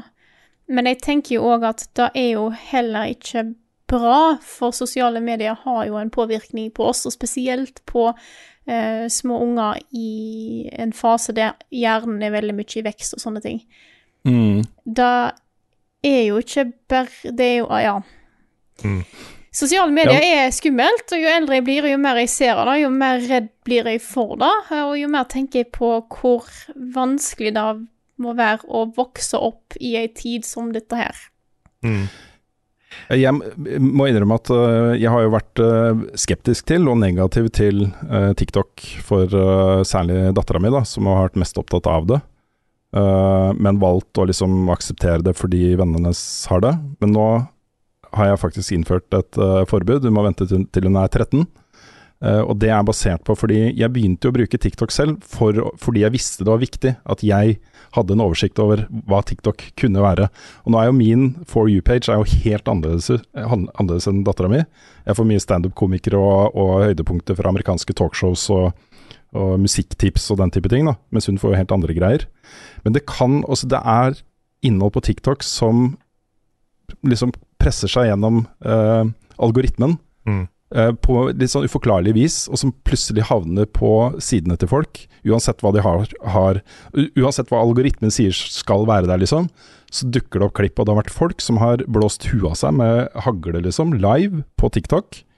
Um, og det blir jo fjerna nesten umiddelbart, liksom. Vi snakker I noen tilfeller så tar det bare noen minutter for den type ting er borte. Men det er noen få mennesker da som får den opp på uh, For you-pagen sin, ikke sant. Uff. Jeg så en video der, og det, jeg skal nevne hva det er, fordi um, eh, Som et eksempel eh, til folkeopplysning. Eh, jeg fikk opp et klipp på min For you-page hvor eh, jeg først ikke helt skjønte hva det var, men så innså jeg at dette var en, en golden retriever, altså en, en uh, tam hund, som eh, eh, spiste en annen tam hund på gata, mens det sitter liksom eieren til den ene hunden sitter på huk ved siden av og gråter. Uh, og det, det, tok, det var såpass vanskelig for hjernen min å prosessere hva jeg faktisk så på, at når jeg først liksom hadde sett på det, så hadde jeg sett på det lenge nok til at det virkelig brant seg inn på Øh. netthinnen min, og som gjorde at jeg ikke fikk sove. Det var så fælt å se på. Ja, det, så, sånt er helt jævlig.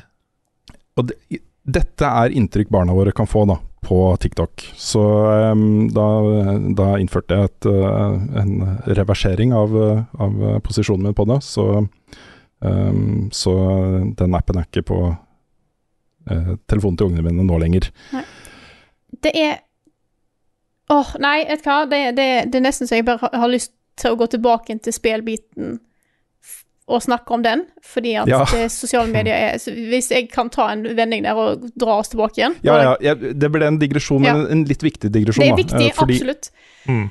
Ja. Fordi, eh, ja, det, det, eh, det er greit nok at sosiale medier er viktige for eh, barn og unge, men eh, det, det er så mange skyggesider ved det, og, og potensielt kjipe, skadelige ting som, eh, som eh, alle må være klar over er der, da. Ja, det er det. Det er, liksom, det er både nettmobbing-delen, men også var det at eh, det er så lett å på en måte måle popularitet og status i tall. Ja. Mm. Det også er veldig, veldig skummelt. Ja.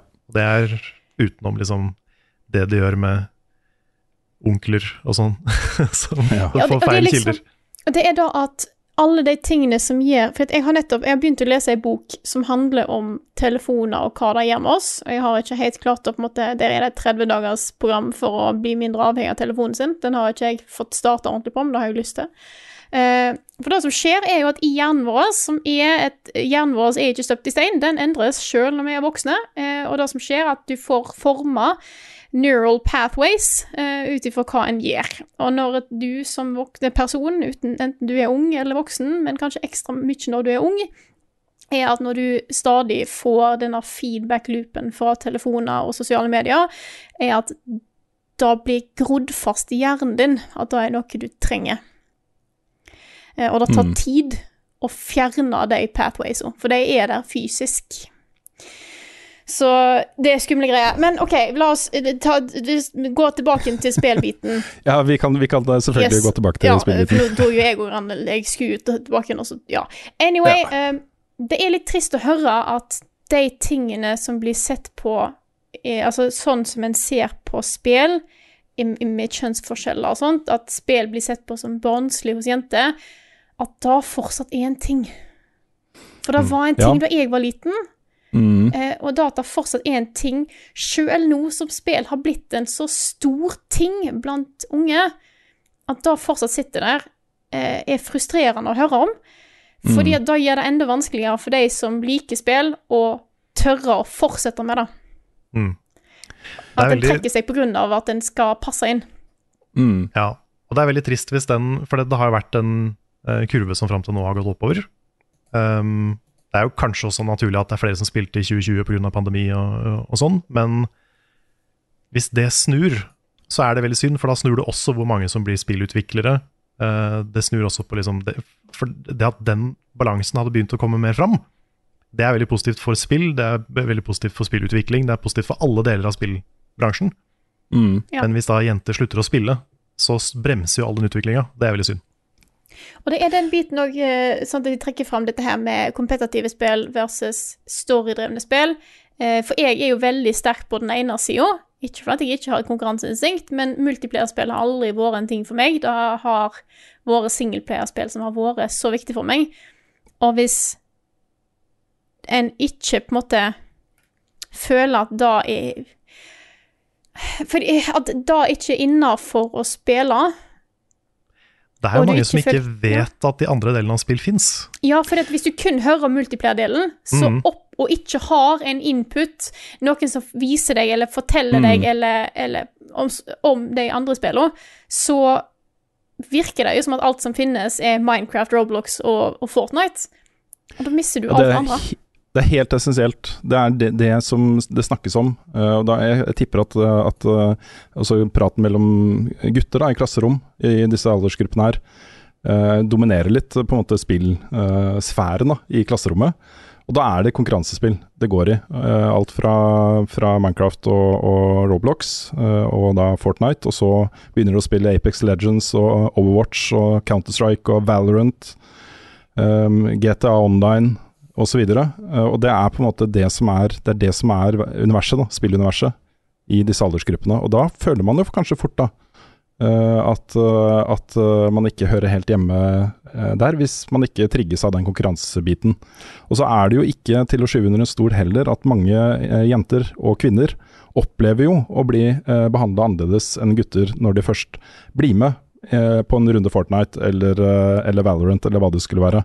Eh, Mye kjipe kommentarer om å komme seg tilbake til kjøkkenet. Guttene syns det er litt gøy å tulle med at eh, Hei, jeg er en jente på laget.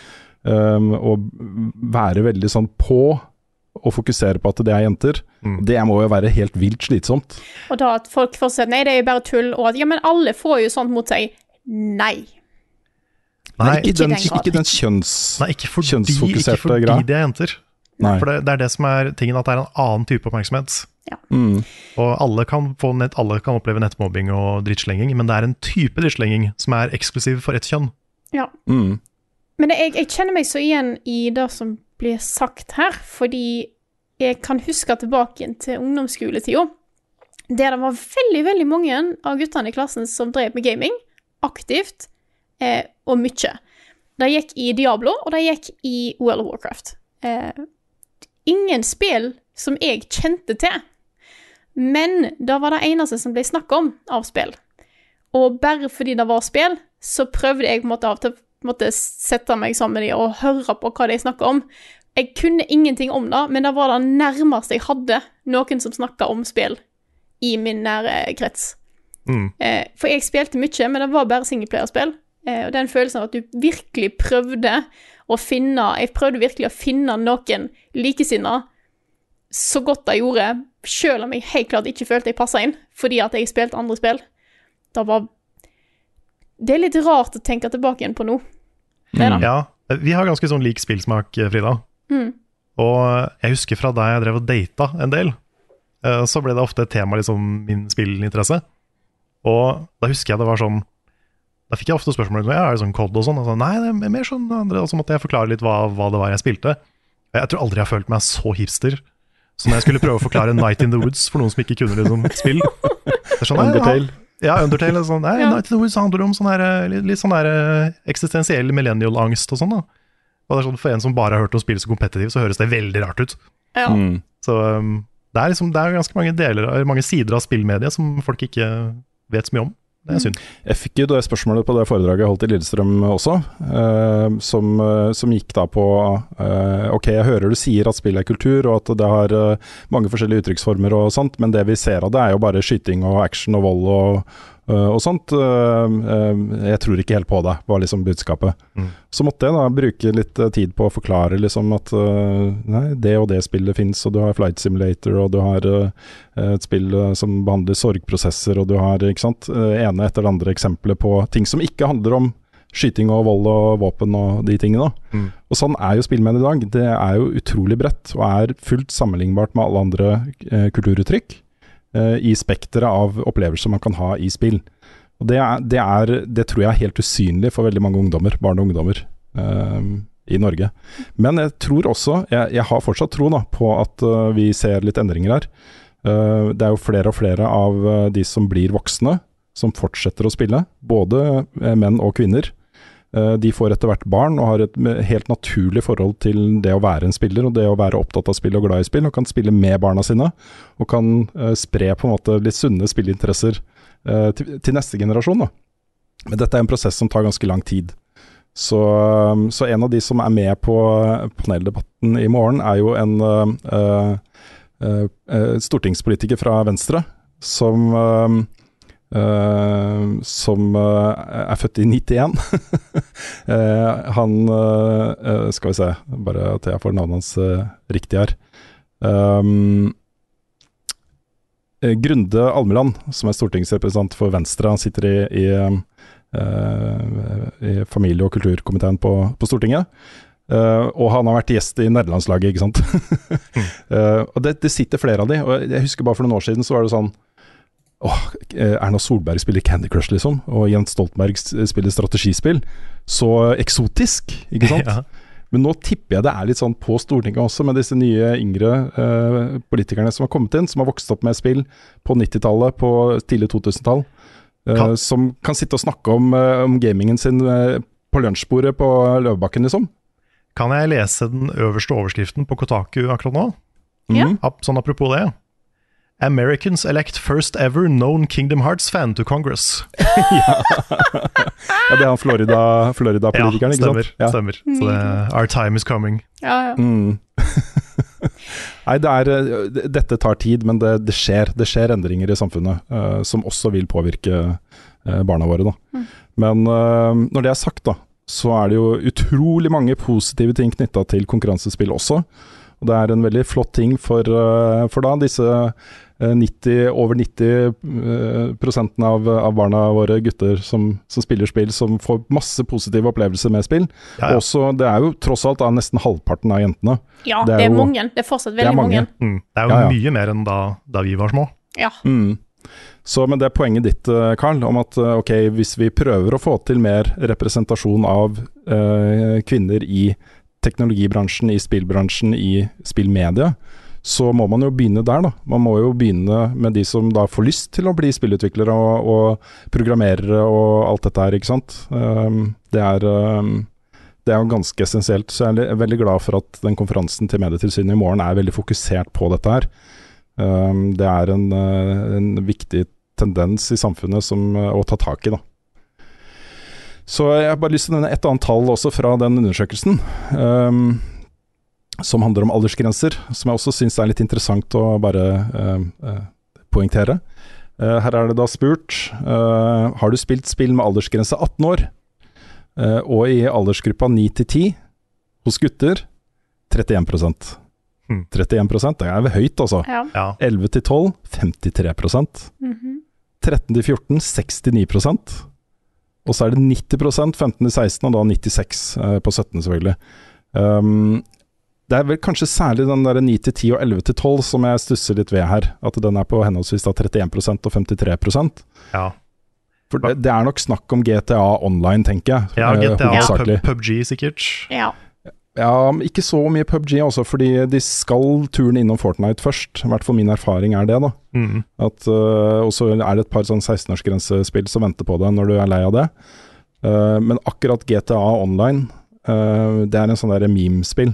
Uh, men da særlig uh, stunt racing og, og litt mer sånn Altså, Stuntracingen i GTA Online kunne jo hatt uh, treårsgrense omtrent, ikke sant? Ja, det er sant. Men det er jo Jeg husker jo fra liksom jeg gikk på barneskolen, vi satt jo og spilte GTA 1, liksom.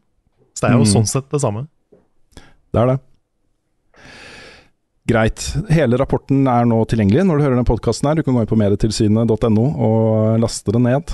Og lese den og studere den. Det kommer sikkert eh, masse nyhetssaker knytta til dette her også. Um, jeg tror også den konferansen Det er bare 100 uh, plasser, 100 billetter, som er, det er eh, ikke utsolgt, for det kosta ingenting. Uh, men booka, da. Det er fullbooka. Så, um, uh, men jeg tror konferansen blir tilgjengelig i et eller annet format etterpå også. Masse spennende eh, folk også på scenen der. Så alt fra norsk spillutvikling til da eh, kjønnsfordeling og disse tingene. Så jeg gleder meg. Det blir en eh, sjukt spennende dag. Skal være der hele dagen. Så det er derfor vi da spiller inn podkasten på en onsdag. Vi går videre til litt mer vanlige spillnyheter. Um, ett år etter utgivelse så er da endelig co-op eh, tilgjengelig i Halo Infinite. Dette, også Co-op i Halo har jo vært eh, essensielt. Har Det det, er på en måte eh, for mange den måten man spiller Halo på, i, i campaignen også. inkludert meg. Ikke sant. Eh, Ett år tok det. Um, og Forge er også tilgjengelig nå da i Halo Infinite, altså beta-versjonen av Forge. Det er jo den derre s- sandkasse um, utvikler Jeg kan jo lage dine egne Halo-opplevelser type ting, da. Um, som, som også nå er tilgjengelig. Og um, nå har jo det har jo vært litt trøbbel i Halo-universet i det siste. Også med um, synkende andel uh, spillere og uh, samtidig spillere og vanskelig å finne matcher og, og den type ting. Og um, 343 Industries de uh, sier jo rett ut at vi har en jobb å gjøre med å vinne tilbake tilliten til folk. Så, um, så er det jo sånn med disse Games as a Service-spillene at de er jo under utvikling, og folk er misfornøyde, og så kommer det noe nytt, og så er de fornøyde, og så vokser det igjen, og, og sånt. Så det, alt håp er, er ikke ute for Halo Infinite, da. Men um, det hadde vært kult. Kanskje det er et av de spillene vi skal uh, teste hvis vi skal streame noe svære greier etter hvert, Karl. Ja, kanskje det. Mhm. Kjøre en liten uh, co-op-campaign. Veldig relatert til det, så har også Amazons uh, MMO, New World, fått en uh, ny start. Uh, det kalles en fresh start her. De har oppretta en del sånne fresh start-servere. Hvor uh, både gamle spillere og nye spillere kan uh, gå inn, og det er da ikke lov til å ta med, ta med deg allerede uh, etablerte karakterer på disse serverne. Du må starte helt fra scratch. Og du har reworka de første oppdragene og liksom nybegynneropplevelsen av å spille New World. Eh, og de har en svær kampanje gående på Twitch, så mange av de store streamerne på Twitch spiller nå New World. Og det har eh, gitt resultater. da. Det er nå veldig mange flere som spiller New World enn det var bare for, eh, for noen uker siden. Jeg tror jeg så at det gikk fra sånn 40 000 samtidige spillere til 150 000. Hmm. Uh, Jeg visste så- ikke at jeg trodde det var færre.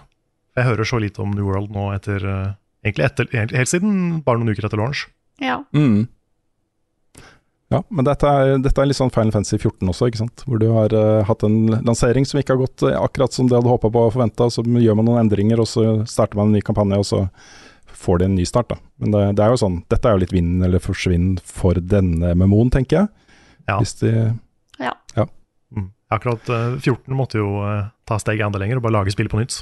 Ikke sant? Fra scratch. Mm.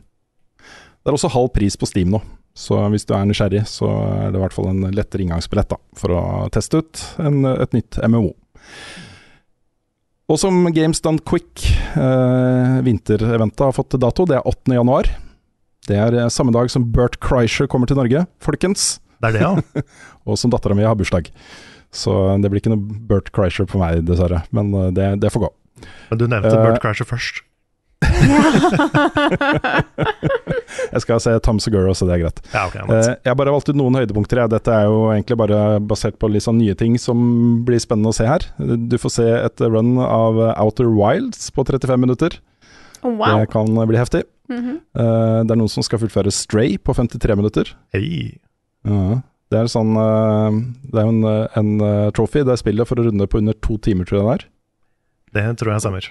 Og det var litt overraskende å se at ikke det ikke er eh, mulig å runde det enda kjappere enn 53 minutter. Men eh, jeg prøvde å finne sånn shortcuts og sånne ting når jeg spilte gjennom, og det er ikke så mange av de. Nei, Jeg tror det er ganske kjapt. det er ganske kjapp buss. Mm.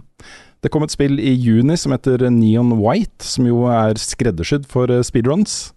Her skal du bare liksom fise gjennom baner så fort som mulig og samle kort som du bruker da i runnet ditt, for å gi deg boost på forskjellige egenskaper og sånt. Eh, Det skal de runde på 40 minutter. Det kommer til å bli helt vilt å se på. Et, eh, et speedrunning-spill som en speedrunner faktisk spiller, Ja. så fort som overhodet mulig. Fy. Um, Metal Gear Solid 3 skal rundes på 1 time og 25 minutter. Uh, Cult of the Lamb, uh, målet der er 1 time og 55 minutter. Uh, Metroid Dread, All Bosses uten glitcher på 1.35, 1 time og 35 minutter. Oh boy. Det er ganske kjapt. Det kommer til å bli crazy, ass. Ja, fy faen. Vi skal se et uh, Old Souls-run gjennom Dark Souls 2 på 1 time og 20 minutter.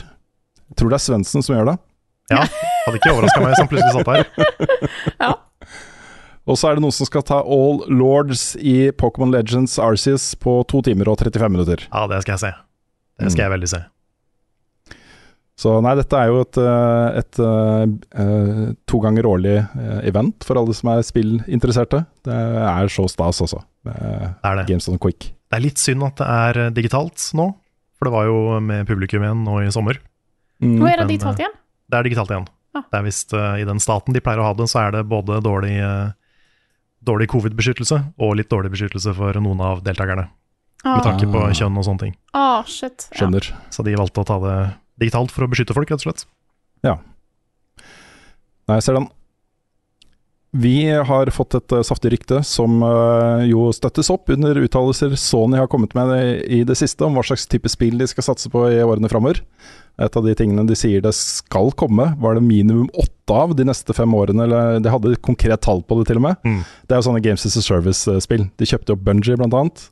Eh, og det er jo Destiny-modellen og den type spill da, som de ønsker seg flere av. Og et av de uh, merkevarene som Sony jo- da har, som er veldig modent for den type behandling, er jo uh, Horizon. Eh, og ryktet nå er at det er et MMO, Horizon MMO, på vei fra NCSoft, som jo står bak Guild Wars. Kan, det kan bli ganske heftig, altså. Mm. Det er et veldig stilig univers å tenke MMO i. det er sant. Det blir også da sagt at det er et eh, eget dedikert multiplayer-spill basert på Horizon, som er på vei til, til både PC og PlayStation 5. Så eh, i tillegg til at vi sannsynligvis får en Horizon 3, så er det flere Horizon-greier på vei her. Jeg går ikke rykter om en eh, remake eller remaster av det første. Det stemmer, det gjør det. Så jeg, jeg, jeg tipper det blir mer sånn remaster. Ja. Kanskje nærmer seg litt The Last of Us Part 1-behandlinga, men, eh, men ikke en full remake. Det tror jeg ikke de trenger å gjøre. Nei. Vi eh, har jo snakka en del om lanseringen av Overwatch 2. Jeg skal bare nevne et eh, tall fra lanseringen, og det er 35 millioner. 35 millioner spillere den første måneden. 35 millioner, altså. Damn. Wow. Mm. Det er jo selvfølgelig mye fordi det er gratis. Ja. Mm. Um, og så har eh, Call of Duty Modern Warfare 2 hatt eh, tidenes beste COD-lansering. Vi snakker en omsetning. eh, Det er, ikke, det er ikke netto overskudd, men en omsetning det er omsatt for. Eh, de første ti dagene runda de 1 milliard dollar i omsetning på den utgivelsen. Oh boy. Hæ. Så når Det er vi, jo- når vi sier at Call of Duty ikke er like hot lenger, så tar vi feil. Ja, nå koster jo den der deluxe-versjonen over 1000 kroner, da. Eh, Så det er jo nesten dobbel pris fra, fra det det var, fra de, liksom de gamle rekordene. Men eh, jeg, jeg tror det var uh, eh, Black Ops 2 som hadde den forrige rekorden. Uh, de, de brukte da 15 dager på å runde eh, 1 milliard dollar. Ja. Det, er, eh, det er bra, og det er jo veldig mye positivt buzz rundt Modern Warfare 2 også. Jeg har jo selv spilt campaignen, og det, jeg syns den er eh, fet. Det er, eh, det er litt sånn COD skal være, tenker jeg da. Så selv om ikke det treffer meg sånn klokkereint, så er det Jeg skjønner at folk liker den, liksom. Jeg skjønner at dette er noe folk vil ha. Sikkert Så- også litt pga. navnet at det selger så bra. Det er mange som har eh, minner fra det første Modern Warfare 2. Det vil jeg også tro, ja. Mm. Det er jo en veldig Altså, det, det er åpenbart da en veldig klar link mellom de to spillene. Ikke, ikke uh, det faktiske innholdet. Uh, der er det jo nye rollefigurer. Det vil si det er jo de samme rollefigurene som i Modern Warfare 1, mange av de. Eh, men i opplevelse. Måten de lager en sånn litt James Bond-lignende, men veldig komprimert. da. Mm. Du fiser over hele verden, og plutselig så sitter du oppe i et, eh, et bombefly med liksom uh, varmesøkende kamera og sånt for å bombe mål uh, rundt en bygning og sånt. Uh, og så er det boots on the ground og sparker ned dører i grenseby i USA og leiter etter en terrorist som har eh, rømt og bla, bla, bla, liksom. Så det er veldig sånn derre Og så er det Amsterdam, ikke sant. Og dykker og Ja, det, det er veldig, veldig sånn uh, theme park. En sånn uh, James Bond theme park, dette her. Også en bolle med popkorn, kanskje? Kanskje. Litt sånn som Sonic. Ja, Men det folk er opptatt av her, er jo multiplayer-biten, da. Ja, først og fremst. Det er sant. Så Warzone 2, uh, og da vanlig multiplayer i, i Modern Warfare 2, er jo det som spilles mest, sannsynligvis. Hva er hennes best, hvor var fredag sist? Har Carl egentlig sopp? Ukens spørsmål. Denne uka her starter vi med et spørsmål fra Trom, eh, Trond Mom Gulbrandsen. Han skriver som 43-åring er jeg utrolig glad for å ha fått med meg så å si hele spillutviklinga. Helt fra ensfarga skjerm med Snake Paratrooper Space Invader til Doom med simulert 3D-grafikk, til Quake med ekte 3D og helt fram til dagens spill. Jeg har opplevd enorme hopp i spillteknologi. Kanskje litt gubbete av meg, men jeg føler jeg sitter på en slags skatt av en opplevelse over lang tid. Vil de yngre få den samme opplevelsen av teknologihopp i dag? Grafikken blir bedre, ja, men jeg ser ikke de hoppene som blåser meg av banen som da vi fikk 3D for første gang. Ja, det er jo en, relevant og interessant betraktning av, av spillmedia. Mm. Um, jeg jeg syns i den diskusjonen så er det verdt å merke seg da, at noen av de aller, aller desidert mest populære spillopplevelsene blant barn og unge er jo Roblox og Minecraft. Mm. Fortsatt, liksom. Um, Grafikk det- har liksom ikke den samme eh, det, det er ikke det samme selling pointet som det var en gang. Nei, og det, det, det er det samme med de store sånn Triple A blockbuster-spillene også. Uh, at uh, når et spill som God of War Ragnarok kommer f.eks., så sitter jeg og, og lar meg imponere av hvor fantastisk vakkert det er, liksom. Mm. Um, og en sånn konkret ting som er dramatisk forbedra på teknologibiten der, er jo um, informa mengden informasjon du kan ha på skjermen. ikke sant? For vegetasjonen i Ragnarok er bare så utrolig flott å se på. Også når du padler gjennom, på en elv gjennom en jungel, liksom, All alle dyreliv og planteliv, og det er så rik flora og fauna, det er jo med på å øke innlevelsen. Eh, men den er ikke sånn, det er ikke sånn kjempehopp, liksom, fra eh, tidligere vegetasjon i spill, som også har vært bra, da. Eh, Det er mer en sånn derre, ja, det er bedre. Um, men eh, det er jo på en måte den datakraften som kreves for å tilby det lille hakket bedre, er jo enorm. Mm. Ikke sant? Det er jo det er mye større enn det virker som, da. Ja, ja for jeg, jeg tror litt den der tida hvor du kan se på et screenshot og bli imponert av en konsollgenerasjon, den er nok over. Ja, det tror jeg også. Det handler mye mer om sånn fysikk og uh, dynamics og uh, partikler og sånne type ting. Ja. At det er der du kommer til å se mesteparten av forbedringa. Ja, så er det jo også sånn at uh, flere og flere sitter på 4K-skjermer og etter hvert 8K-skjermer. Og hvis man da bruker den økte datakraften til å gjøre liksom hele bildet da, i 8K like bra som det hadde vært på en eh, 1080p-skjerm, ikke sant, så, eh, så skjønner man jo at her, her trengs det litt mer kraft. Så, så de store, store eh, visuelle sprangene skjer jo ikke i samme eh, takt lenger, men det er der. Eh, og ikke minst også innenfor eh, sånne ting som eh, ansiktsmimikk. kunstig intelligens til NPC-er, hvordan de oppfører seg i, i digitale virtuelle spillverdener. Alt dette her er jo også sånne ting som mer datakraft hjelper på. da. Så, så det man isteden ser, er jo en sånn gradvis uh, tilnærming til uh, virtuelle verdener som på et eller annet punkt da, vil være vanskelig å skille fra virkeligheten. Det er jo mange som mener da. Eh, og, så begynner man å snakke om at kanskje vi lever i en simulasjon, og så er vi der, liksom. så ja, er- nei, men jeg, jeg, altså, Deepfake-teknologi det er jeg oppriktig redd for. Ja, enig. Det Det er, er- livs, er det, det er livsfarlig, ass. Ja, det, er- det er det, Jeg ser mye greier på nettet nå med, med deepfake-videoer og sånt, som er eh, Det er, skummelt. Mm. Det er rett og slett en eh, Potensialet for misbruk er, begynner allerede å bli utrolig stort. Mm. Eh, så, mm, så eh, ja. Men akkurat når det gjelder eh, den her gleden som, eh, som både Trond og vi har følt på i, i, fra generasjon til generasjon liksom, i teknologi, den eh, er nok litt over også. Eh, Ja. Det er mer sånn at første gang du tar på deg et VR-headset Ja, for det, det- er litt mer sånn sammenlignbart med Mario 64, f.eks. Ja. Mm. Første gang du så et 3D-spill, og første gang du får på deg et headset, de opplevelsene er litt like. Ja. Men uh, VR må liksom et godt stykke lenger før det blir en naturlig opplevelse over tid. da. Mm.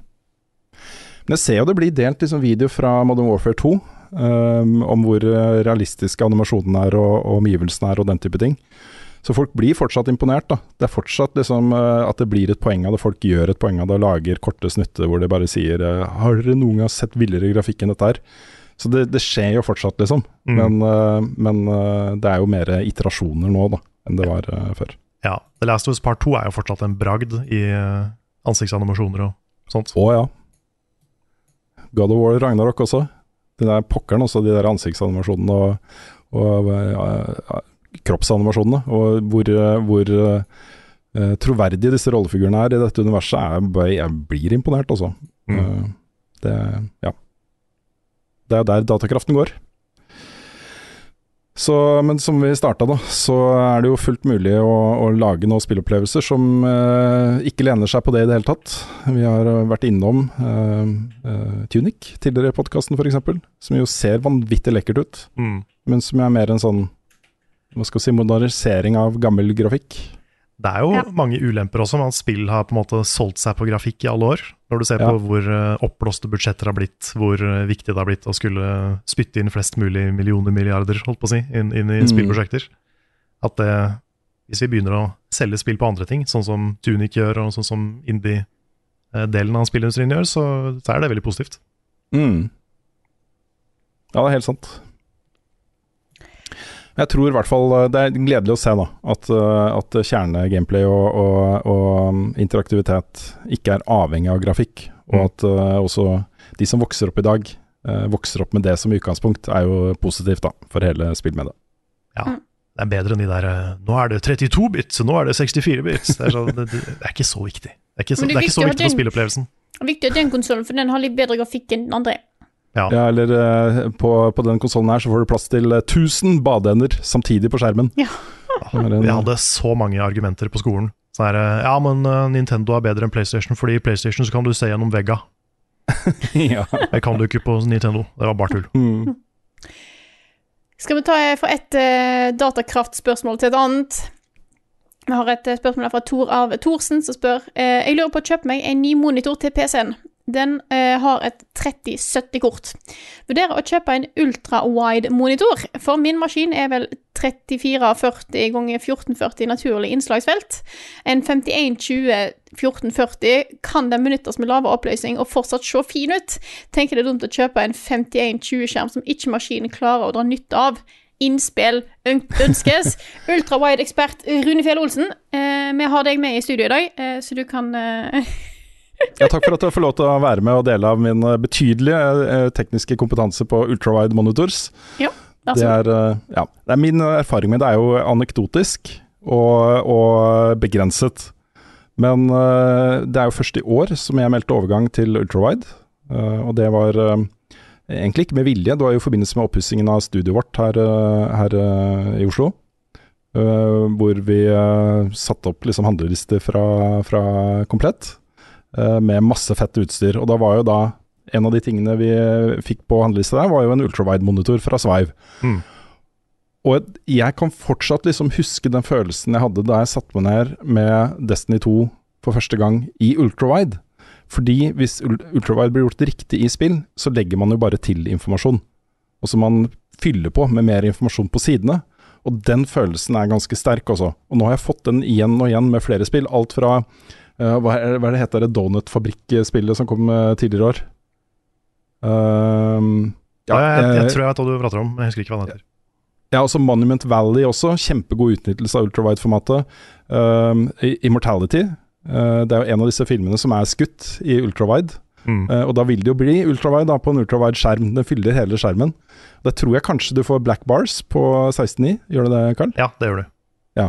Det tror jeg i hvert fall. det er- Ja, for det er vel ja, Nei, jeg er ikke sikker. Jeg tror du får eh, fullt bilde med widescreen, eh, vanlig widescreen også. Ja, for der var det mange shots også, hvor uh, informasjonen i bildet var utenfor 16.9. Uh, hvor ultrawide virkelig hadde noe for seg. Um, jeg kommer tilbake til litt sånn ultrawide-betraktning rundt uh, Sommerville-anmeldelsen min også.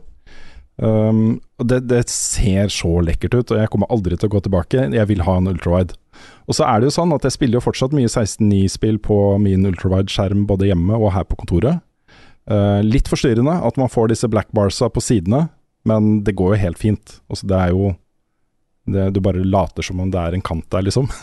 Mm. så, så går det bra. Eh, noen av disse skjermene og sånn kan også stilles inn, da, sånn at du setter av 16.9-plassen til eh, til én ting, og så har du resten av plassen til eh, Discord eller uh, mail eller hva som helst, liksom. Så du kan løse det på den måten. Uh, når det gjelder forskjellen på 5120 og 3440, så eh, tror jeg det blir litt det samme, da. Eh, det, det er jo mange spill som har full støtte for ultra, ultrawide, også 5120.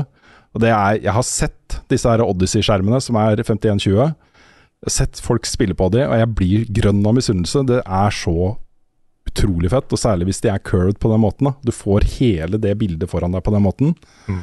Holy shit, altså. Det er fett. Så øh, jeg er, jeg er soleklart i Team Ultrawide.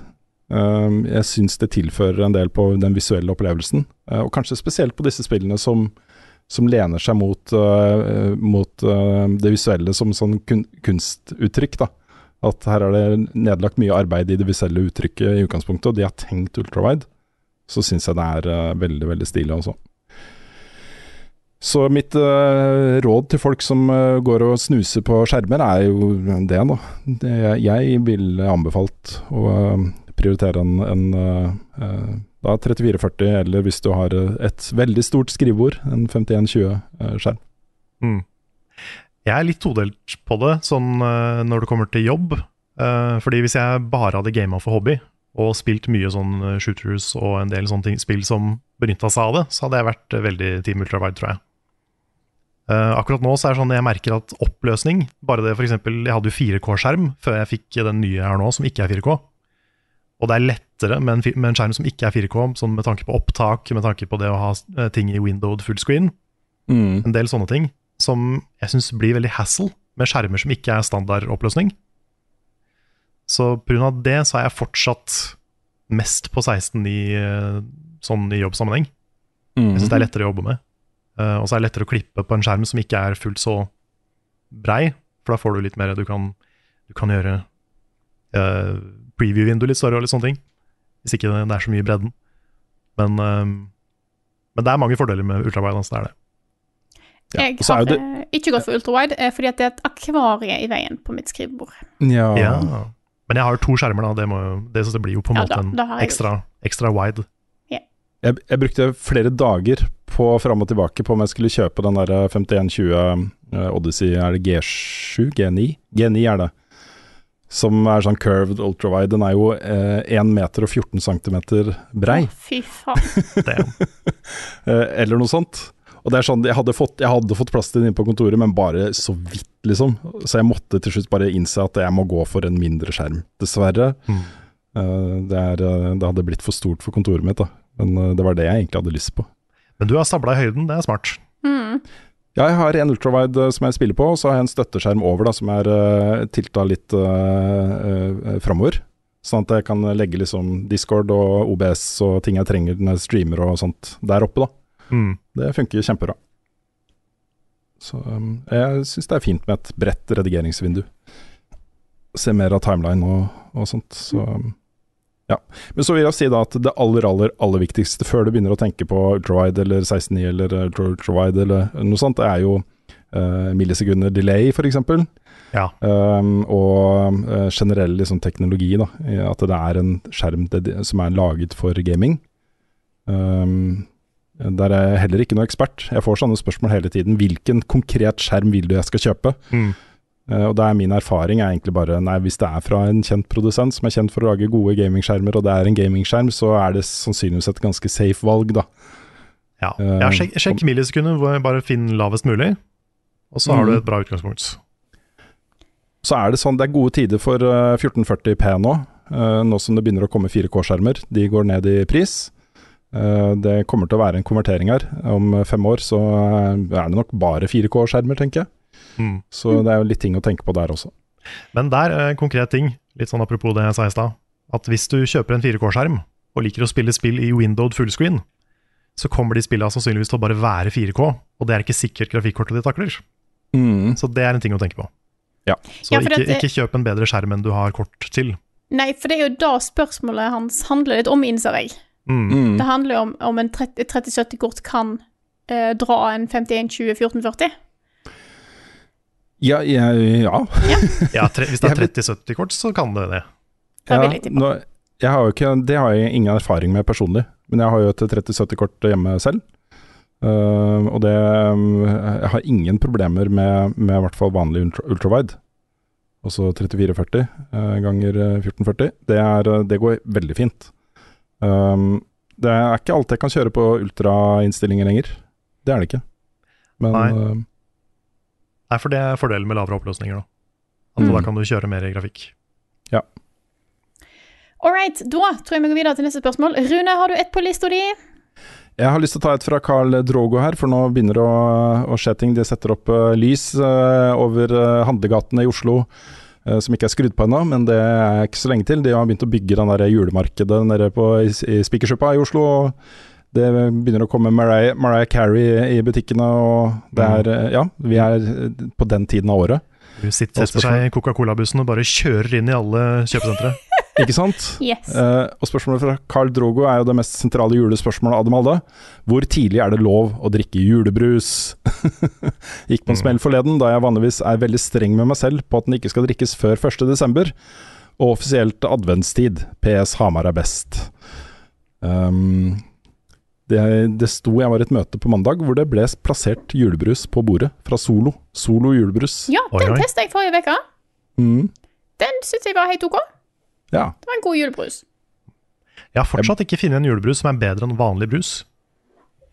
Så jeg er litt sånn der, jeg er ikke så opptatt av julebrus, egentlig. Nei, det er jo litt eh, sånn spesielt og litt eh, Ja. Altså, Hamar eh, er bra. Lerum er best. Den får jeg ikke tak i her. Eh, den har jeg sett én gang i Trondheim. Jeg er glad i julebrus. Eh, jeg vet ikke helt hvordan jeg reagerer den sammenlignet med andre brus, men er det jul, så er det julebrus som skal drikkes, ja. Eh, jeg var litt, kanskje litt eh, viktigere på det før. Nå er det sånn hvis jeg har lyst på julebrus, så kjøper jeg julebrus. Uavhengig av når. Mm. Så enkelt er det. Jeg skjønner nå at det er et utappa marked på påskebrus. Ja, Påskebrus, det er ja. solo, da. Nei, men hvis vi, hvis, hvis vi launcher en spesifikt på, en påskebrus, Mm. så sier vi at du skal, i påsken skal du drikke vår påskebrus. Nettopp. Ja. Eller så gjør du det feil. Ja, her er, ligger det mulighet. Kan man bli- bli tenker du business? Gjør det. Ja, det er veldig bra, ass. Leverups er- påskebrus. ja. Det jeg liker med julebrus, er at det er uh, lavere terskel for å få lov til å drikke det hjemme hos meg. Hvis det er julebrus, enn hvis det er vanlig brus.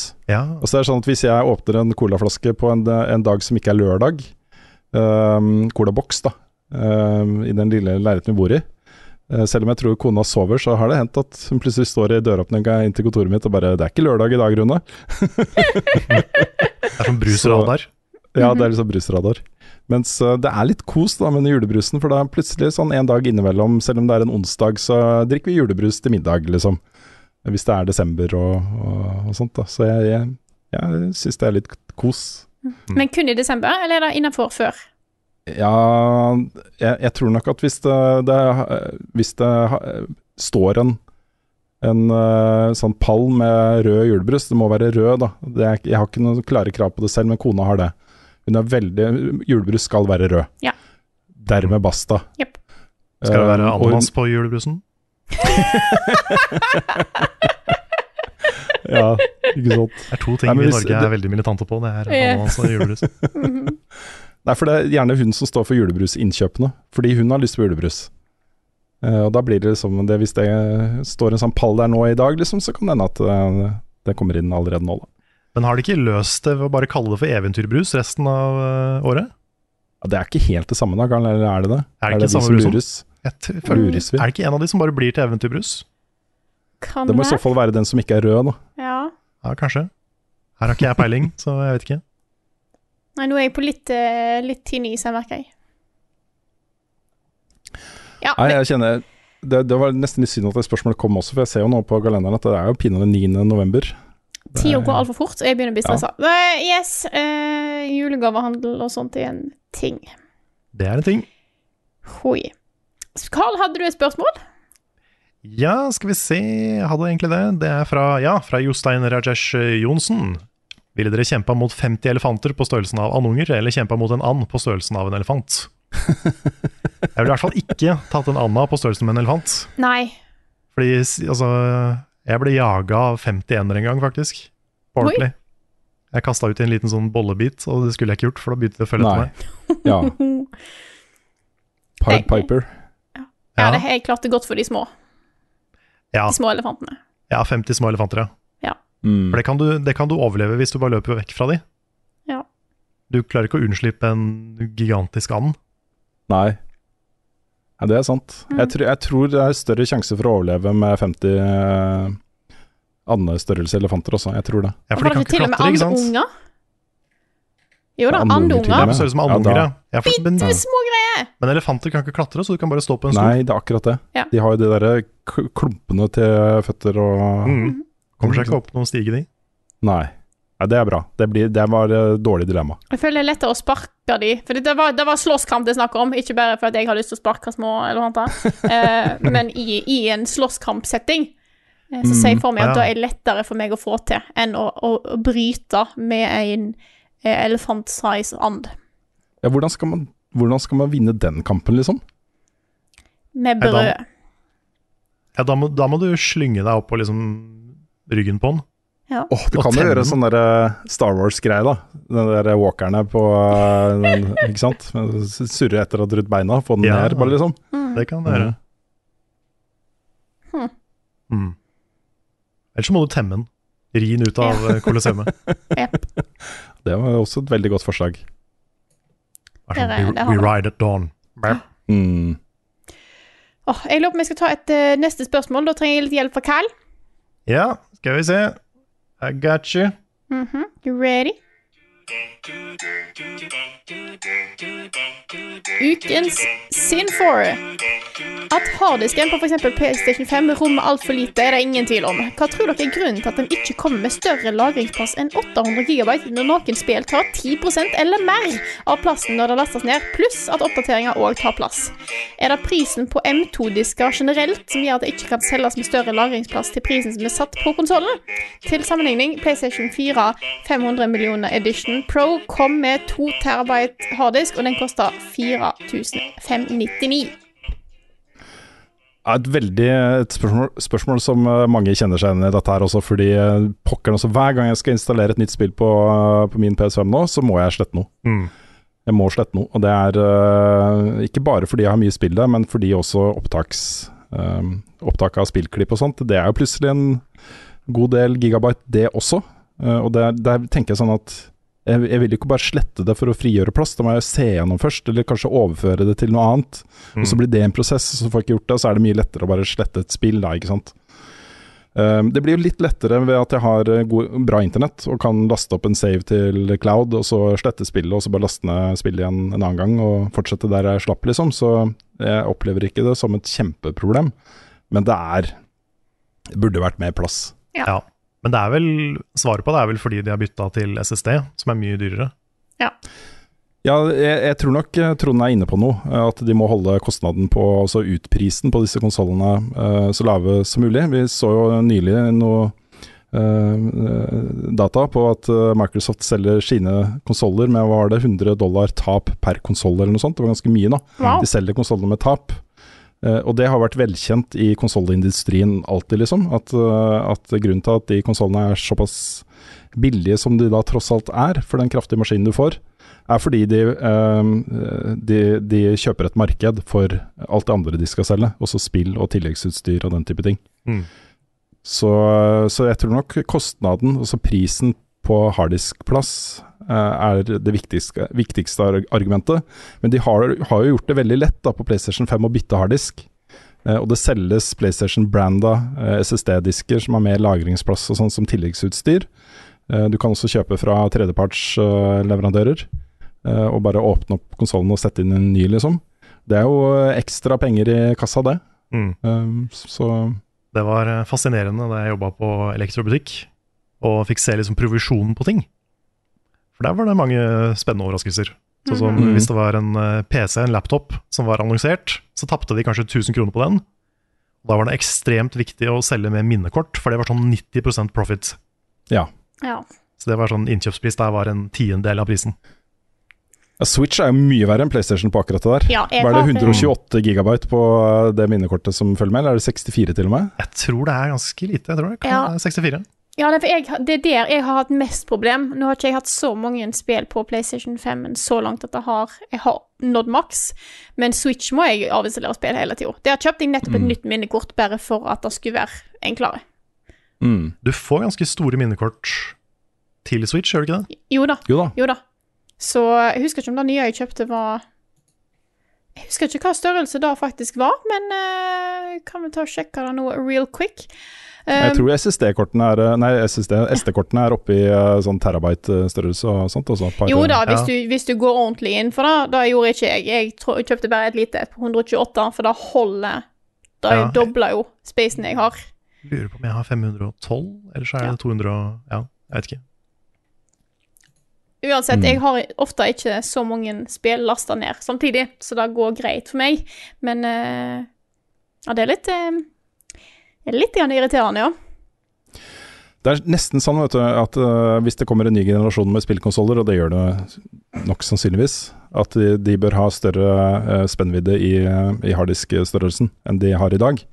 At man da kan velge å putte på en 5 terabyte harddisk og betale ekstra for det allerede fra starten av, liksom. Mm. Um, Istedenfor å være låst til å måtte bytte ut harddisk og alle de hassle-greiene som, som det fører med seg, da. Så lenge det er, da er, er overskudd av konsoller. Når det er underskudd av konsoller, sånn som det har vært for noen konsollgenerasjoner nå, så er jeg veldig glad for at det er bare én, eh, og så kan en eventuelt bygge på hvis en vil. Mm. Eh, så en slipper å måtte betale mye ekstra bare for å få, for få konsollen. Ja, men Problemet er jo at hvis du kjøper en konsoll og skal bytte ut harddisken, så har du betalt for en harddisk allerede som du ikke har tenkt til å bruke. Ja, det er sant. Ikke sant? Det, Men er det, ikke, er det ikke sånn at du kan lett på PS5 legge til en ekstra? Jo da, eh, du kan legge til med USB også. En, eh, en ekstern harddisk. Mm. Det, det kan du. Men er det ikke også en sånn slott, eller blander jeg? Sånn, jeg Jeg tror ikke det er to slotts for harddisk, men det, jeg skal ikke si 100 sikkert også. nei, jeg, jeg husker ikke. Det, jeg skal ikke, skal ikke påstå noe der. Det, er- det, kan, det bør vi google, sånn at vi ikke går fra den podkasten her med en påstand om at det er to harddisk-slots i PlayStation 5. Ja. Yes. Skal Eller du google, det- Rune? Jeg kan google. Skal okay. vi ta et annet spørsmål i mellomtida? Det kan vi gjøre. Vi har fått et her fra Sly Cooper, som spør Tror dere Elon Musk vil forbedre eller ødelegge Twitter. Nei, vi har jo fått ganske mye bevis allerede på hvem av de to det er. Ja. Har jo ødelagt Det- hele driten på bare noen dager. ja. Eh, jeg mener helt eh, Han i hvert fall ødelegger Twitter som det var. Mm. Eh, og jeg liker ikke den retningen det er på vei til. Nei. Jeg vil bare lyst til å svare på dette først, for jeg har masse å si om dette. Men um, uh, Uh, PS5 har en ekstra uh, expansion-slot for en ekstra Ja, stemmer. Jeg mente det var noe sånt, nemlig.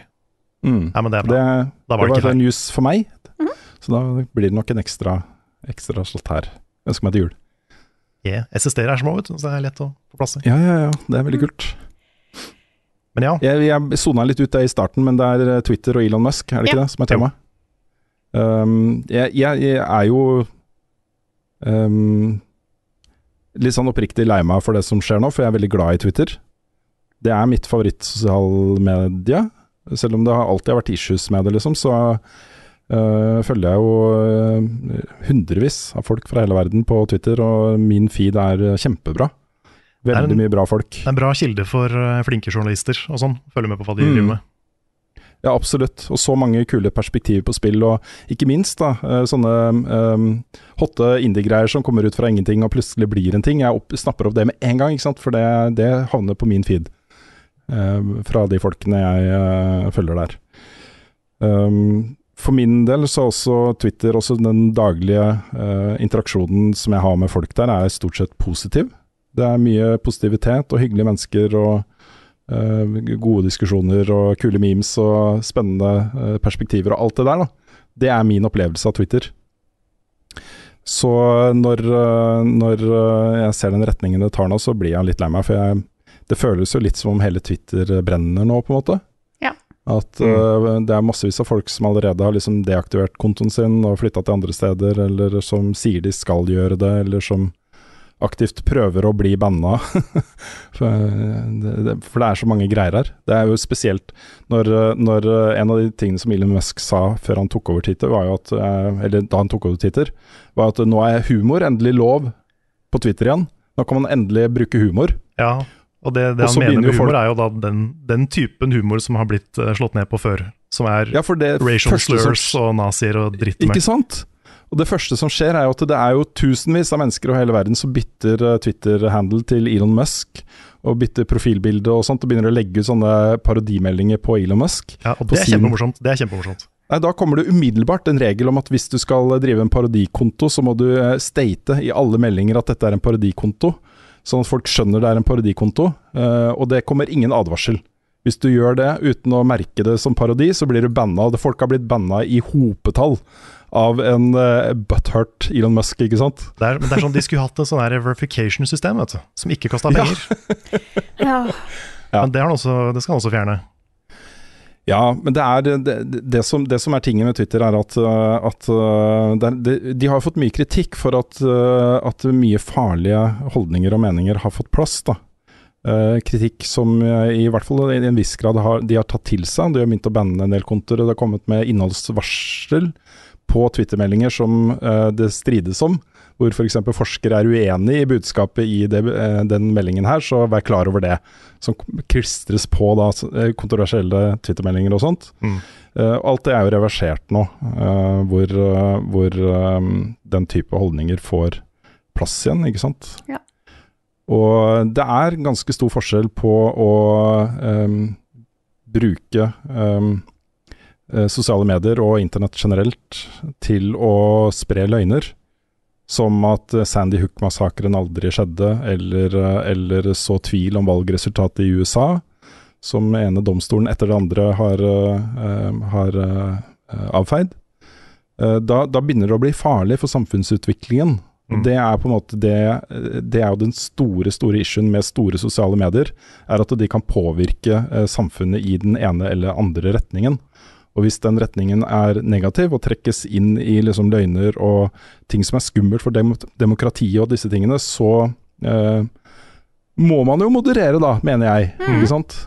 Ja. For én ting er free speech, men en annen ting er at en på Twitter eh, Der kan en sette regler for hva en godtar av innhold på den sida.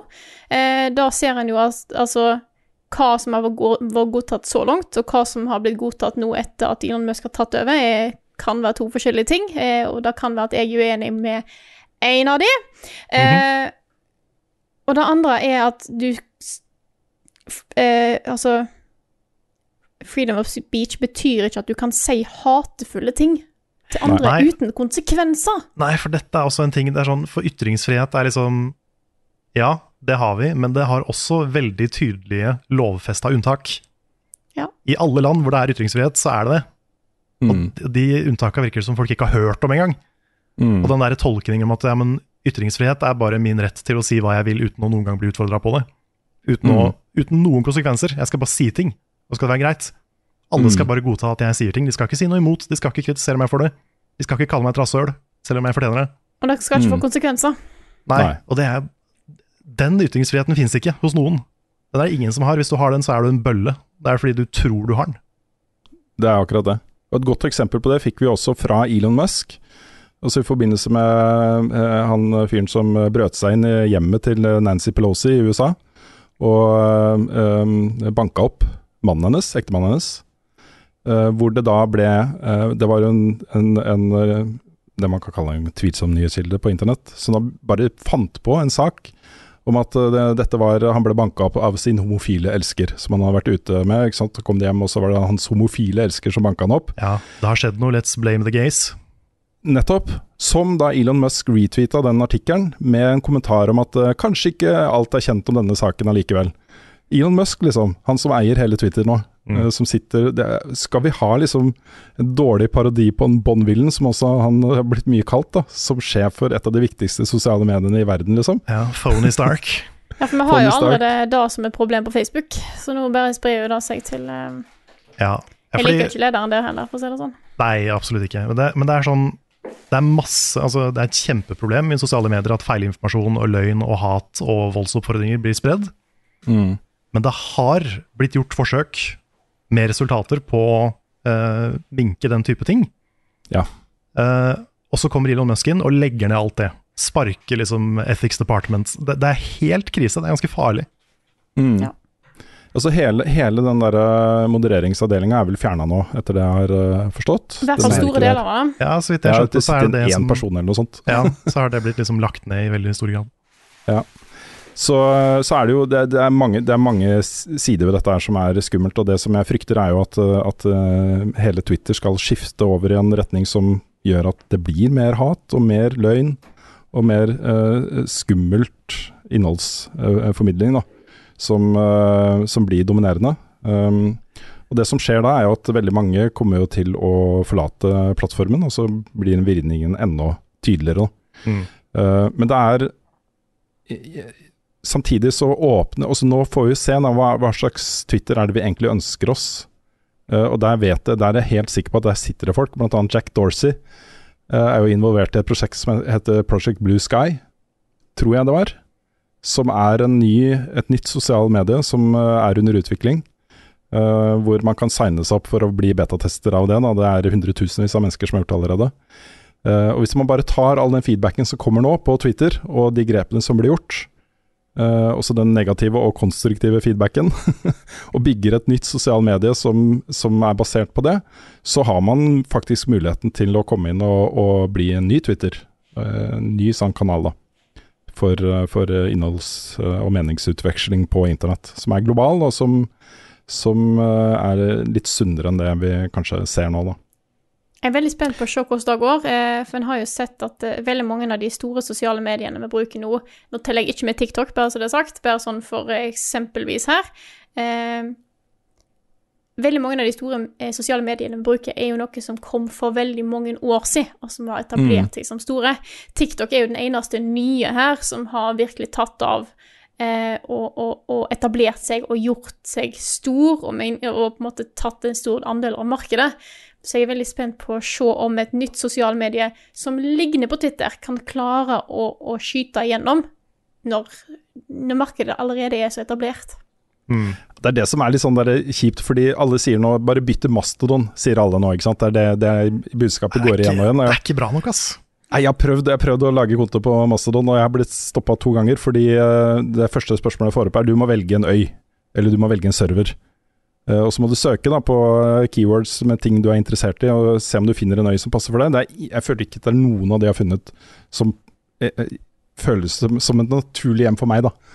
Så, men hadde det fantes liksom en, eh, en uh, eh, godt voksne spilljournalister i Norge-server, f.eks., så kunne jeg kanskje Ja. en konto der, da. Det er fint. Det virker mer som Altså, Discord er jo en av de nyere sosiale mediene som dukker opp. Der òg er det jo separert i Mm. grupper. Eh, Mm. Det jeg syntes Ja. var fint med Twitter, var at det, liksom, det var én feed. Ja, det er det. Det fordi det har begynt å bli et problem med Discord, at alt skal ha en Discord. Ja. Mm. Og så må du melde deg inn i en hel Discord for å finne den informasjonen du trenger. Det også er veldig tungvint. Ja. Så um, det det skulle gått an å liksom lage et, en ny tjeneste som tar lærdom av liksom alt som har skjedd med Facebook, med Twitter, med Instagram. Alt, alle de kontroversene, all den dritten vi har vært igjennom nå, med sosiale medier. Bare liksom lære av det, og få noe på plass som ikke gjør de samme tabbene. Mitt drømmesosiale medie, da, det er uh, også et uh, sosialt medie som uh, gir meg muligheten til å ikke bli verken spora eller targeta for markedsføring, eller brukt i big data eller noen sånne ting. da, At jeg kan ha en konto som bare er meg som person, og de personene jeg velger å følge. Eh, Det kunne jeg vært interessert i å betale for, til og med. og da får Jeg skrev jo dette på Twitter og fikk kommentarer på at det er jo utopi, liksom. Eh, Hallo, hvilken verden lever du i? Mm. Fordi mine big data er så mye verdt at, eh, at eh, ingen vil jo finne på å gjøre det. Men dette er jo så modent for idealister, også hele den greia her. Med folk som, som tenker på den måten, Mm. og som har lyst til å tilby det til et stort publikum. Eh, og det er en sånn type tjeneste jeg håper vil komme, da. Eh, at, eh, at man får det som en, som en, som en feature. Fordi når folk, som med Twitter nå, liksom, og med alle andre sosiale medier, så blir liksom reklame som passer for deg, blir brukt som et argument for å bruke tjenesten. Og reklame som passer for meg, jeg blir bare irritert, jeg. Når jeg Mm. føler at, at annonser er targeta for meg. Men Jeg, ikke- jeg vil ikke ha de annonsene. Nei, samme her, men også innholdet som er targeta for deg. For det, det låser deg inn i sånne små ekkokamre, Ja, hvor det du bare får ting som er tilpassa deg, og det også er skummelt. Altså. Og da kan jo noen si at ja, men kan du ikke bare betale for Twitter nå, da, for å få mindre ads der? Men jeg har ikke lyst til å betale for denne Twitteren.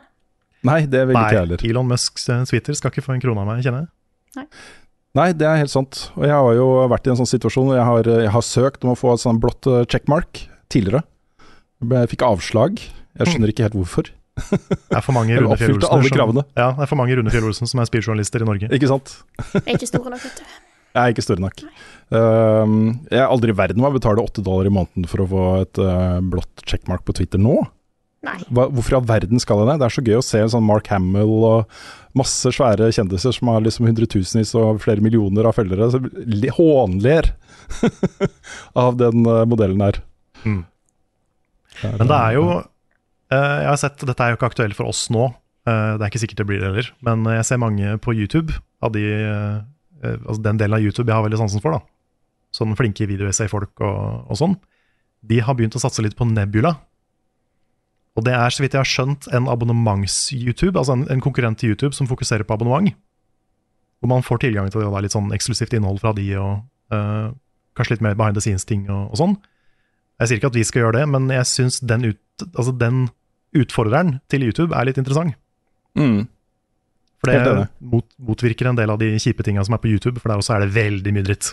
Ja, for det som jeg synes er interessant, er at hvis Twitter forsvinner, så får en mer problem med YouTube, for Twitter har vært plassen der ut, eh, content creators har fått tak i YouTube når det har vært problem med YouTube. Mm. eh, Ja. ja. Ja, nei, også nå er vi over på, eh, på det, det hølet internett er generelt, da. Og det er, Twitter skiller seg ikke voldsomt ut fra internett generelt. Jeg syns, jeg syns hele den derre Det at noen fant på det å, å samle big data om folk og, og selge den informasjonen på kryss og tvers av forskjellige kommersielle interesser på, på internett, har jo ødelagt internett. Altså, det er jo så pyton. Bare det å skulle gå når Jeg mangla jo én trophy i, um, i uh, God of War. En eneste, det var en eneste ting som jeg ikke hadde funnet, og det er en sånn ting som jeg visste bare lå i verden et sted. Ikke sant? Og det er et jækla svært spill. Og Jeg måtte saumfare alle områder for å finne den ene lille tingen, så jeg gikk og venta på lanseringsdato og det at det kom guides. Og Da var det jo sånn, alle sidene jeg var innom som hadde guides for dette her, og vis, viste meg hvor den ene tingen var. Det er er vanlige cookie-greiene som kommer opp hele tiden. Og du må gå inn og sjekke og krysse av. Er alt kryssa av, liksom? Skal de spore meg på dette? Får de lov til å selge informasjonen min til disse tusen kommersielle aktørene her, eller ikke, liksom? Sånn er det uansett hvor du går inn nå, og det er så pyton. Så jeg føler meg ikke hjemme på internett i det hele tatt, med unntak av min egen kuraterte boble på Twitter, f.eks. Uh, eller uh, de Reddit, subredditen- subredditene jeg følger. Mm. Um, eller uh, NRK som ikke har den type sporing, ikke sant. Ja. Mm. Men det har jeg faktisk hørt. altså Reddit også kan jo absolutt i aller høyeste grad være et høl. Uh, men hvis du har en veldig kuratert Reddit, Mm. så har jeg hørt at det kan være ganske ålreit. Ja, det er kjempeålreit. Absolutt. Jeg, jeg er veldig glad i Reddit. Det, det har jeg virkelig fått eh, liksom filtrert ut ting. Så nå er det det er samme som jeg har ut, filtrert ut på Twitter. Det er bra folk eh, og katter og dyr. Ja. Ja. Mm. Veldig mye festlige Ja. katter og hunder. Ja, jeg håper folk liker å høre meningene våre om sosiale medier, for det har blitt veldig mye av det denne episoden her. Altså. Ja, men altså, dette, er- dette berører oss jo alle Ja, sammen. ja, altså, liksom. jeg merker at jeg fyrer meg opp når vi snakker om det. Det er viktig for meg. Og det er fordi at vi jobber jo med et sosialt medie. Det er det Mm, vi ja da. gjør. Vi Ja, altså, vi hadde- på YouTube. Vi hadde jo ikke vært her hvis ikke det var for YouTube. Nei. Er Eller sant. Facebook. Eller Facebook, eller ja, den type ting. Og det er Mm. liksom Twitter er en viktig ting for meg. Jeg publiserer ingenting på Facebook. Jeg deler ingenting på Facebook. Men Twitter er den plassen der jeg faktisk engasjerer meg. Det er samme her. Mm. Og Jeg kan jo bare avslutningsvis da si at jeg kommer til å fortsette å bruke Twitter. Og jeg føler det er viktig at uh, de som er uenig i de endringene som skjer der nå, blir på Twitter. Uh, plutselig så er vi aktivister hele gjengen, folkens. men, uh, men det er ikke riktig tidspunkt å forlate Twitter på nå, føler jeg, da. Um, det er uh, Jeg vil gjerne være der for å, for å se den utviklinga. Og jeg kommer til å fortsette å bruke Twitter, som jeg har brukt det før. Mm. Uh, og foreløpig så merker jeg ikke noen eh, stor endring på min timeline. Det er uh, de samme bra folka som deler de samme bra tingene. Eh, kanskje litt flere Elon Musk-vitser enn det var for et par uker siden. Det er det ganske mye av. Ja. Ja. Eh, favoritten min var nå skal, jeg, nå skal jeg kreditere personen, så ikke jeg bare sier vitsen uten å si hvem den var fra. For det var veldig bra. Men, men vitsen var i hvert fall um, at, uh, at det å være på Twitter nå, det er som å være om bord på Titanic og kjøre rett mot isfjellet, men alle sammen gjør narr av isfjellet, og isfjellet blir sint. Ja. Jepp.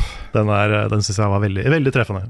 Mm. Nå skal jeg prøve å scrolle meg ned til hvem det var som, som gjorde det, så personen faktisk får credit.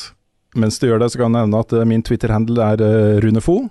og Din er uh, Muffins Carl, er det ikke det? På Det er Muffenskarl, Carl, det stemmer.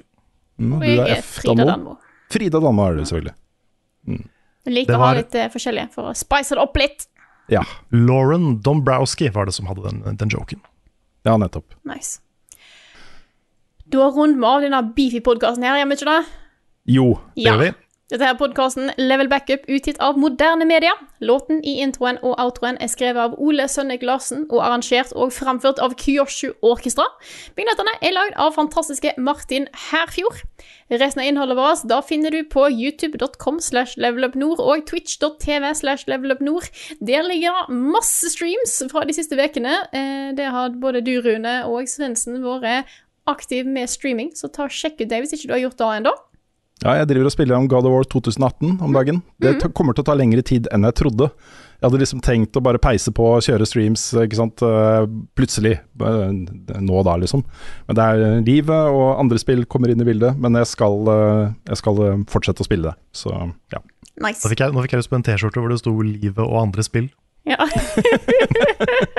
Ja, Livet generelt Ja. og andre Ja, spill, det var ja. to forskjellige ting. Ja, jeg, jeg skjønte det, men jeg likte også den andre. Yes. Ja. Eh, hopp inn på discorden vår, discord.gg slash levelupnorge. Uh, vi har òg en merch-shop på levelupnorge.myspreadshop.no. Og støtt oss gjerne på Patron på patron.com slash levelupnorge hvis du har lyst til å bidra, sånn at vi kan fortsette å gjøre, gjøre det vi elsker, som er å lage innhold om spill, uh, fordi at spill er kultur og kos. Hell yeah. Og vi har en nettside, jeg så det var noen som lurte på om den eh, er oppe og går. Da igjen, den er på lvup.no. Der finner du eh, de nyeste videoene våre. eh, Du finner link til Twitter-feeden. Akkurat nå kun min. Det er visst en liten bug i systemet, så det er kun min oh, ja. feed fra i fjor. Så da får du ikke opp uh, disse AI-genererte bildene av meg, som jeg har begynt å legge ut på min Twitter-feed akkurat nå. Det er nydelig. Ja, jeg har altså fått noen sånne. De er, de er skumle, men de er kule òg. Ja, det er det. Det er jo Dag Thomas i Ragequit som uh, har trent opp en, en av disse AI-ene til å lage versjoner av deg og meg, Karl. Ja. Uh, og det er, eh, det er ganske stor spennvidde. Det er ett bilde, der. ja, det er et bilde hvor jeg ser ut som eh, programlederen i et sånt Ja, ungkar-konsept. ja, jeg syns du så litt grann sånn eiendomsmegler ut. jeg gjorde det. Ja. ja. Jeg gjorde det. Men, eh, Det men er, eh, jeg syns generelt det er ganske morsomt. da Eh, Ja. Kona hater de bildene. Hun Virkelig. Hun vil ikke ha de bildene på nettet i det hele tatt, og nekter å la meg vise Kom og se, der, se på den her! Nei, vil ikke! Vil ikke! Nei, jeg, snart får du resten av Twitter-feeden vår på hjemmesida vår. Jeg vet at teknikeren vår er på saken. Eh, interessante ting som har dukket opp. Eh, Jeg sender dere det bildet som var mest sånn ungkaren eh, som jeg fikk. Oi, ja, det var veldig ungkaren, ja. Det er veldig Ja, ungkaren. se her, ja. Oi, oi, oi. Det er sånn, Jeg skulle ønske jeg så sånn ut, jeg gjør jo ikke det. Det er veldig ja. Det er ikke så langt unna, da, Karl. Det er litt langt unna. Du er veldig strigla i Ja. forhold til hvordan du eh, ser ut i virkeligheten, men det er jo på en måte en, en sånn strigla versjon av deg. Og, og eh, volumet i håret ditt. Ja, for det er det. Jeg skulle ønske Ja. jeg hadde så skinnende hår. Det har jeg ikke. Jeg må også legge til at Dag Thomas han har jo sagt at eh, det han har brukt tid på, er å trene opp disse AI-ene. Mm. Og så setter han jo bare i gang eh, eh, prompts. Og så går han på jobb og gjør andre ting, liksom. Så han sitter ikke foran PC-en 24 timer i døgnet og lager bilder av oss. Han vil bare poengtere at han ikke gjør det, da. det er veldig morsomt. Det er også, jeg tror nok det var han som lagde en episode av Ragequit hvor han hadde lagt inn eh, ting jeg hadde sagt i, på Sandboard. Det stemmer. Så jeg var på en måte gjest, ja, ja. gjest i Ragequit. Gjest uten å være med, ja. Gjest uten å være med. Det Ja. var veldig morsomt. Og apropos, kan jeg komme med en liten plugg på slutten? Ja. Jeg skulle egentlig gjøre det tidligere i podkasten, men jeg har jo vært gjest hos Spelledåsene denne uka her. Ja! Jeg driver og hører på den podkasten, det er veldig koselig, Karl. Den var veldig koselig. Det var kjempegøy å sitte på, sitte på House of Nerds og prate spill med de. I eh, Mm. ble vel halvannen time nesten, podkast. Ja. Det var veldig koselig. Så takk for at jeg ble invitert spilledåsene, Spelledåsene, hvis dere hørte på. Det er- er bra gjeng også. Det er synd de legger ned podkasten. Det er veldig synd. Yes.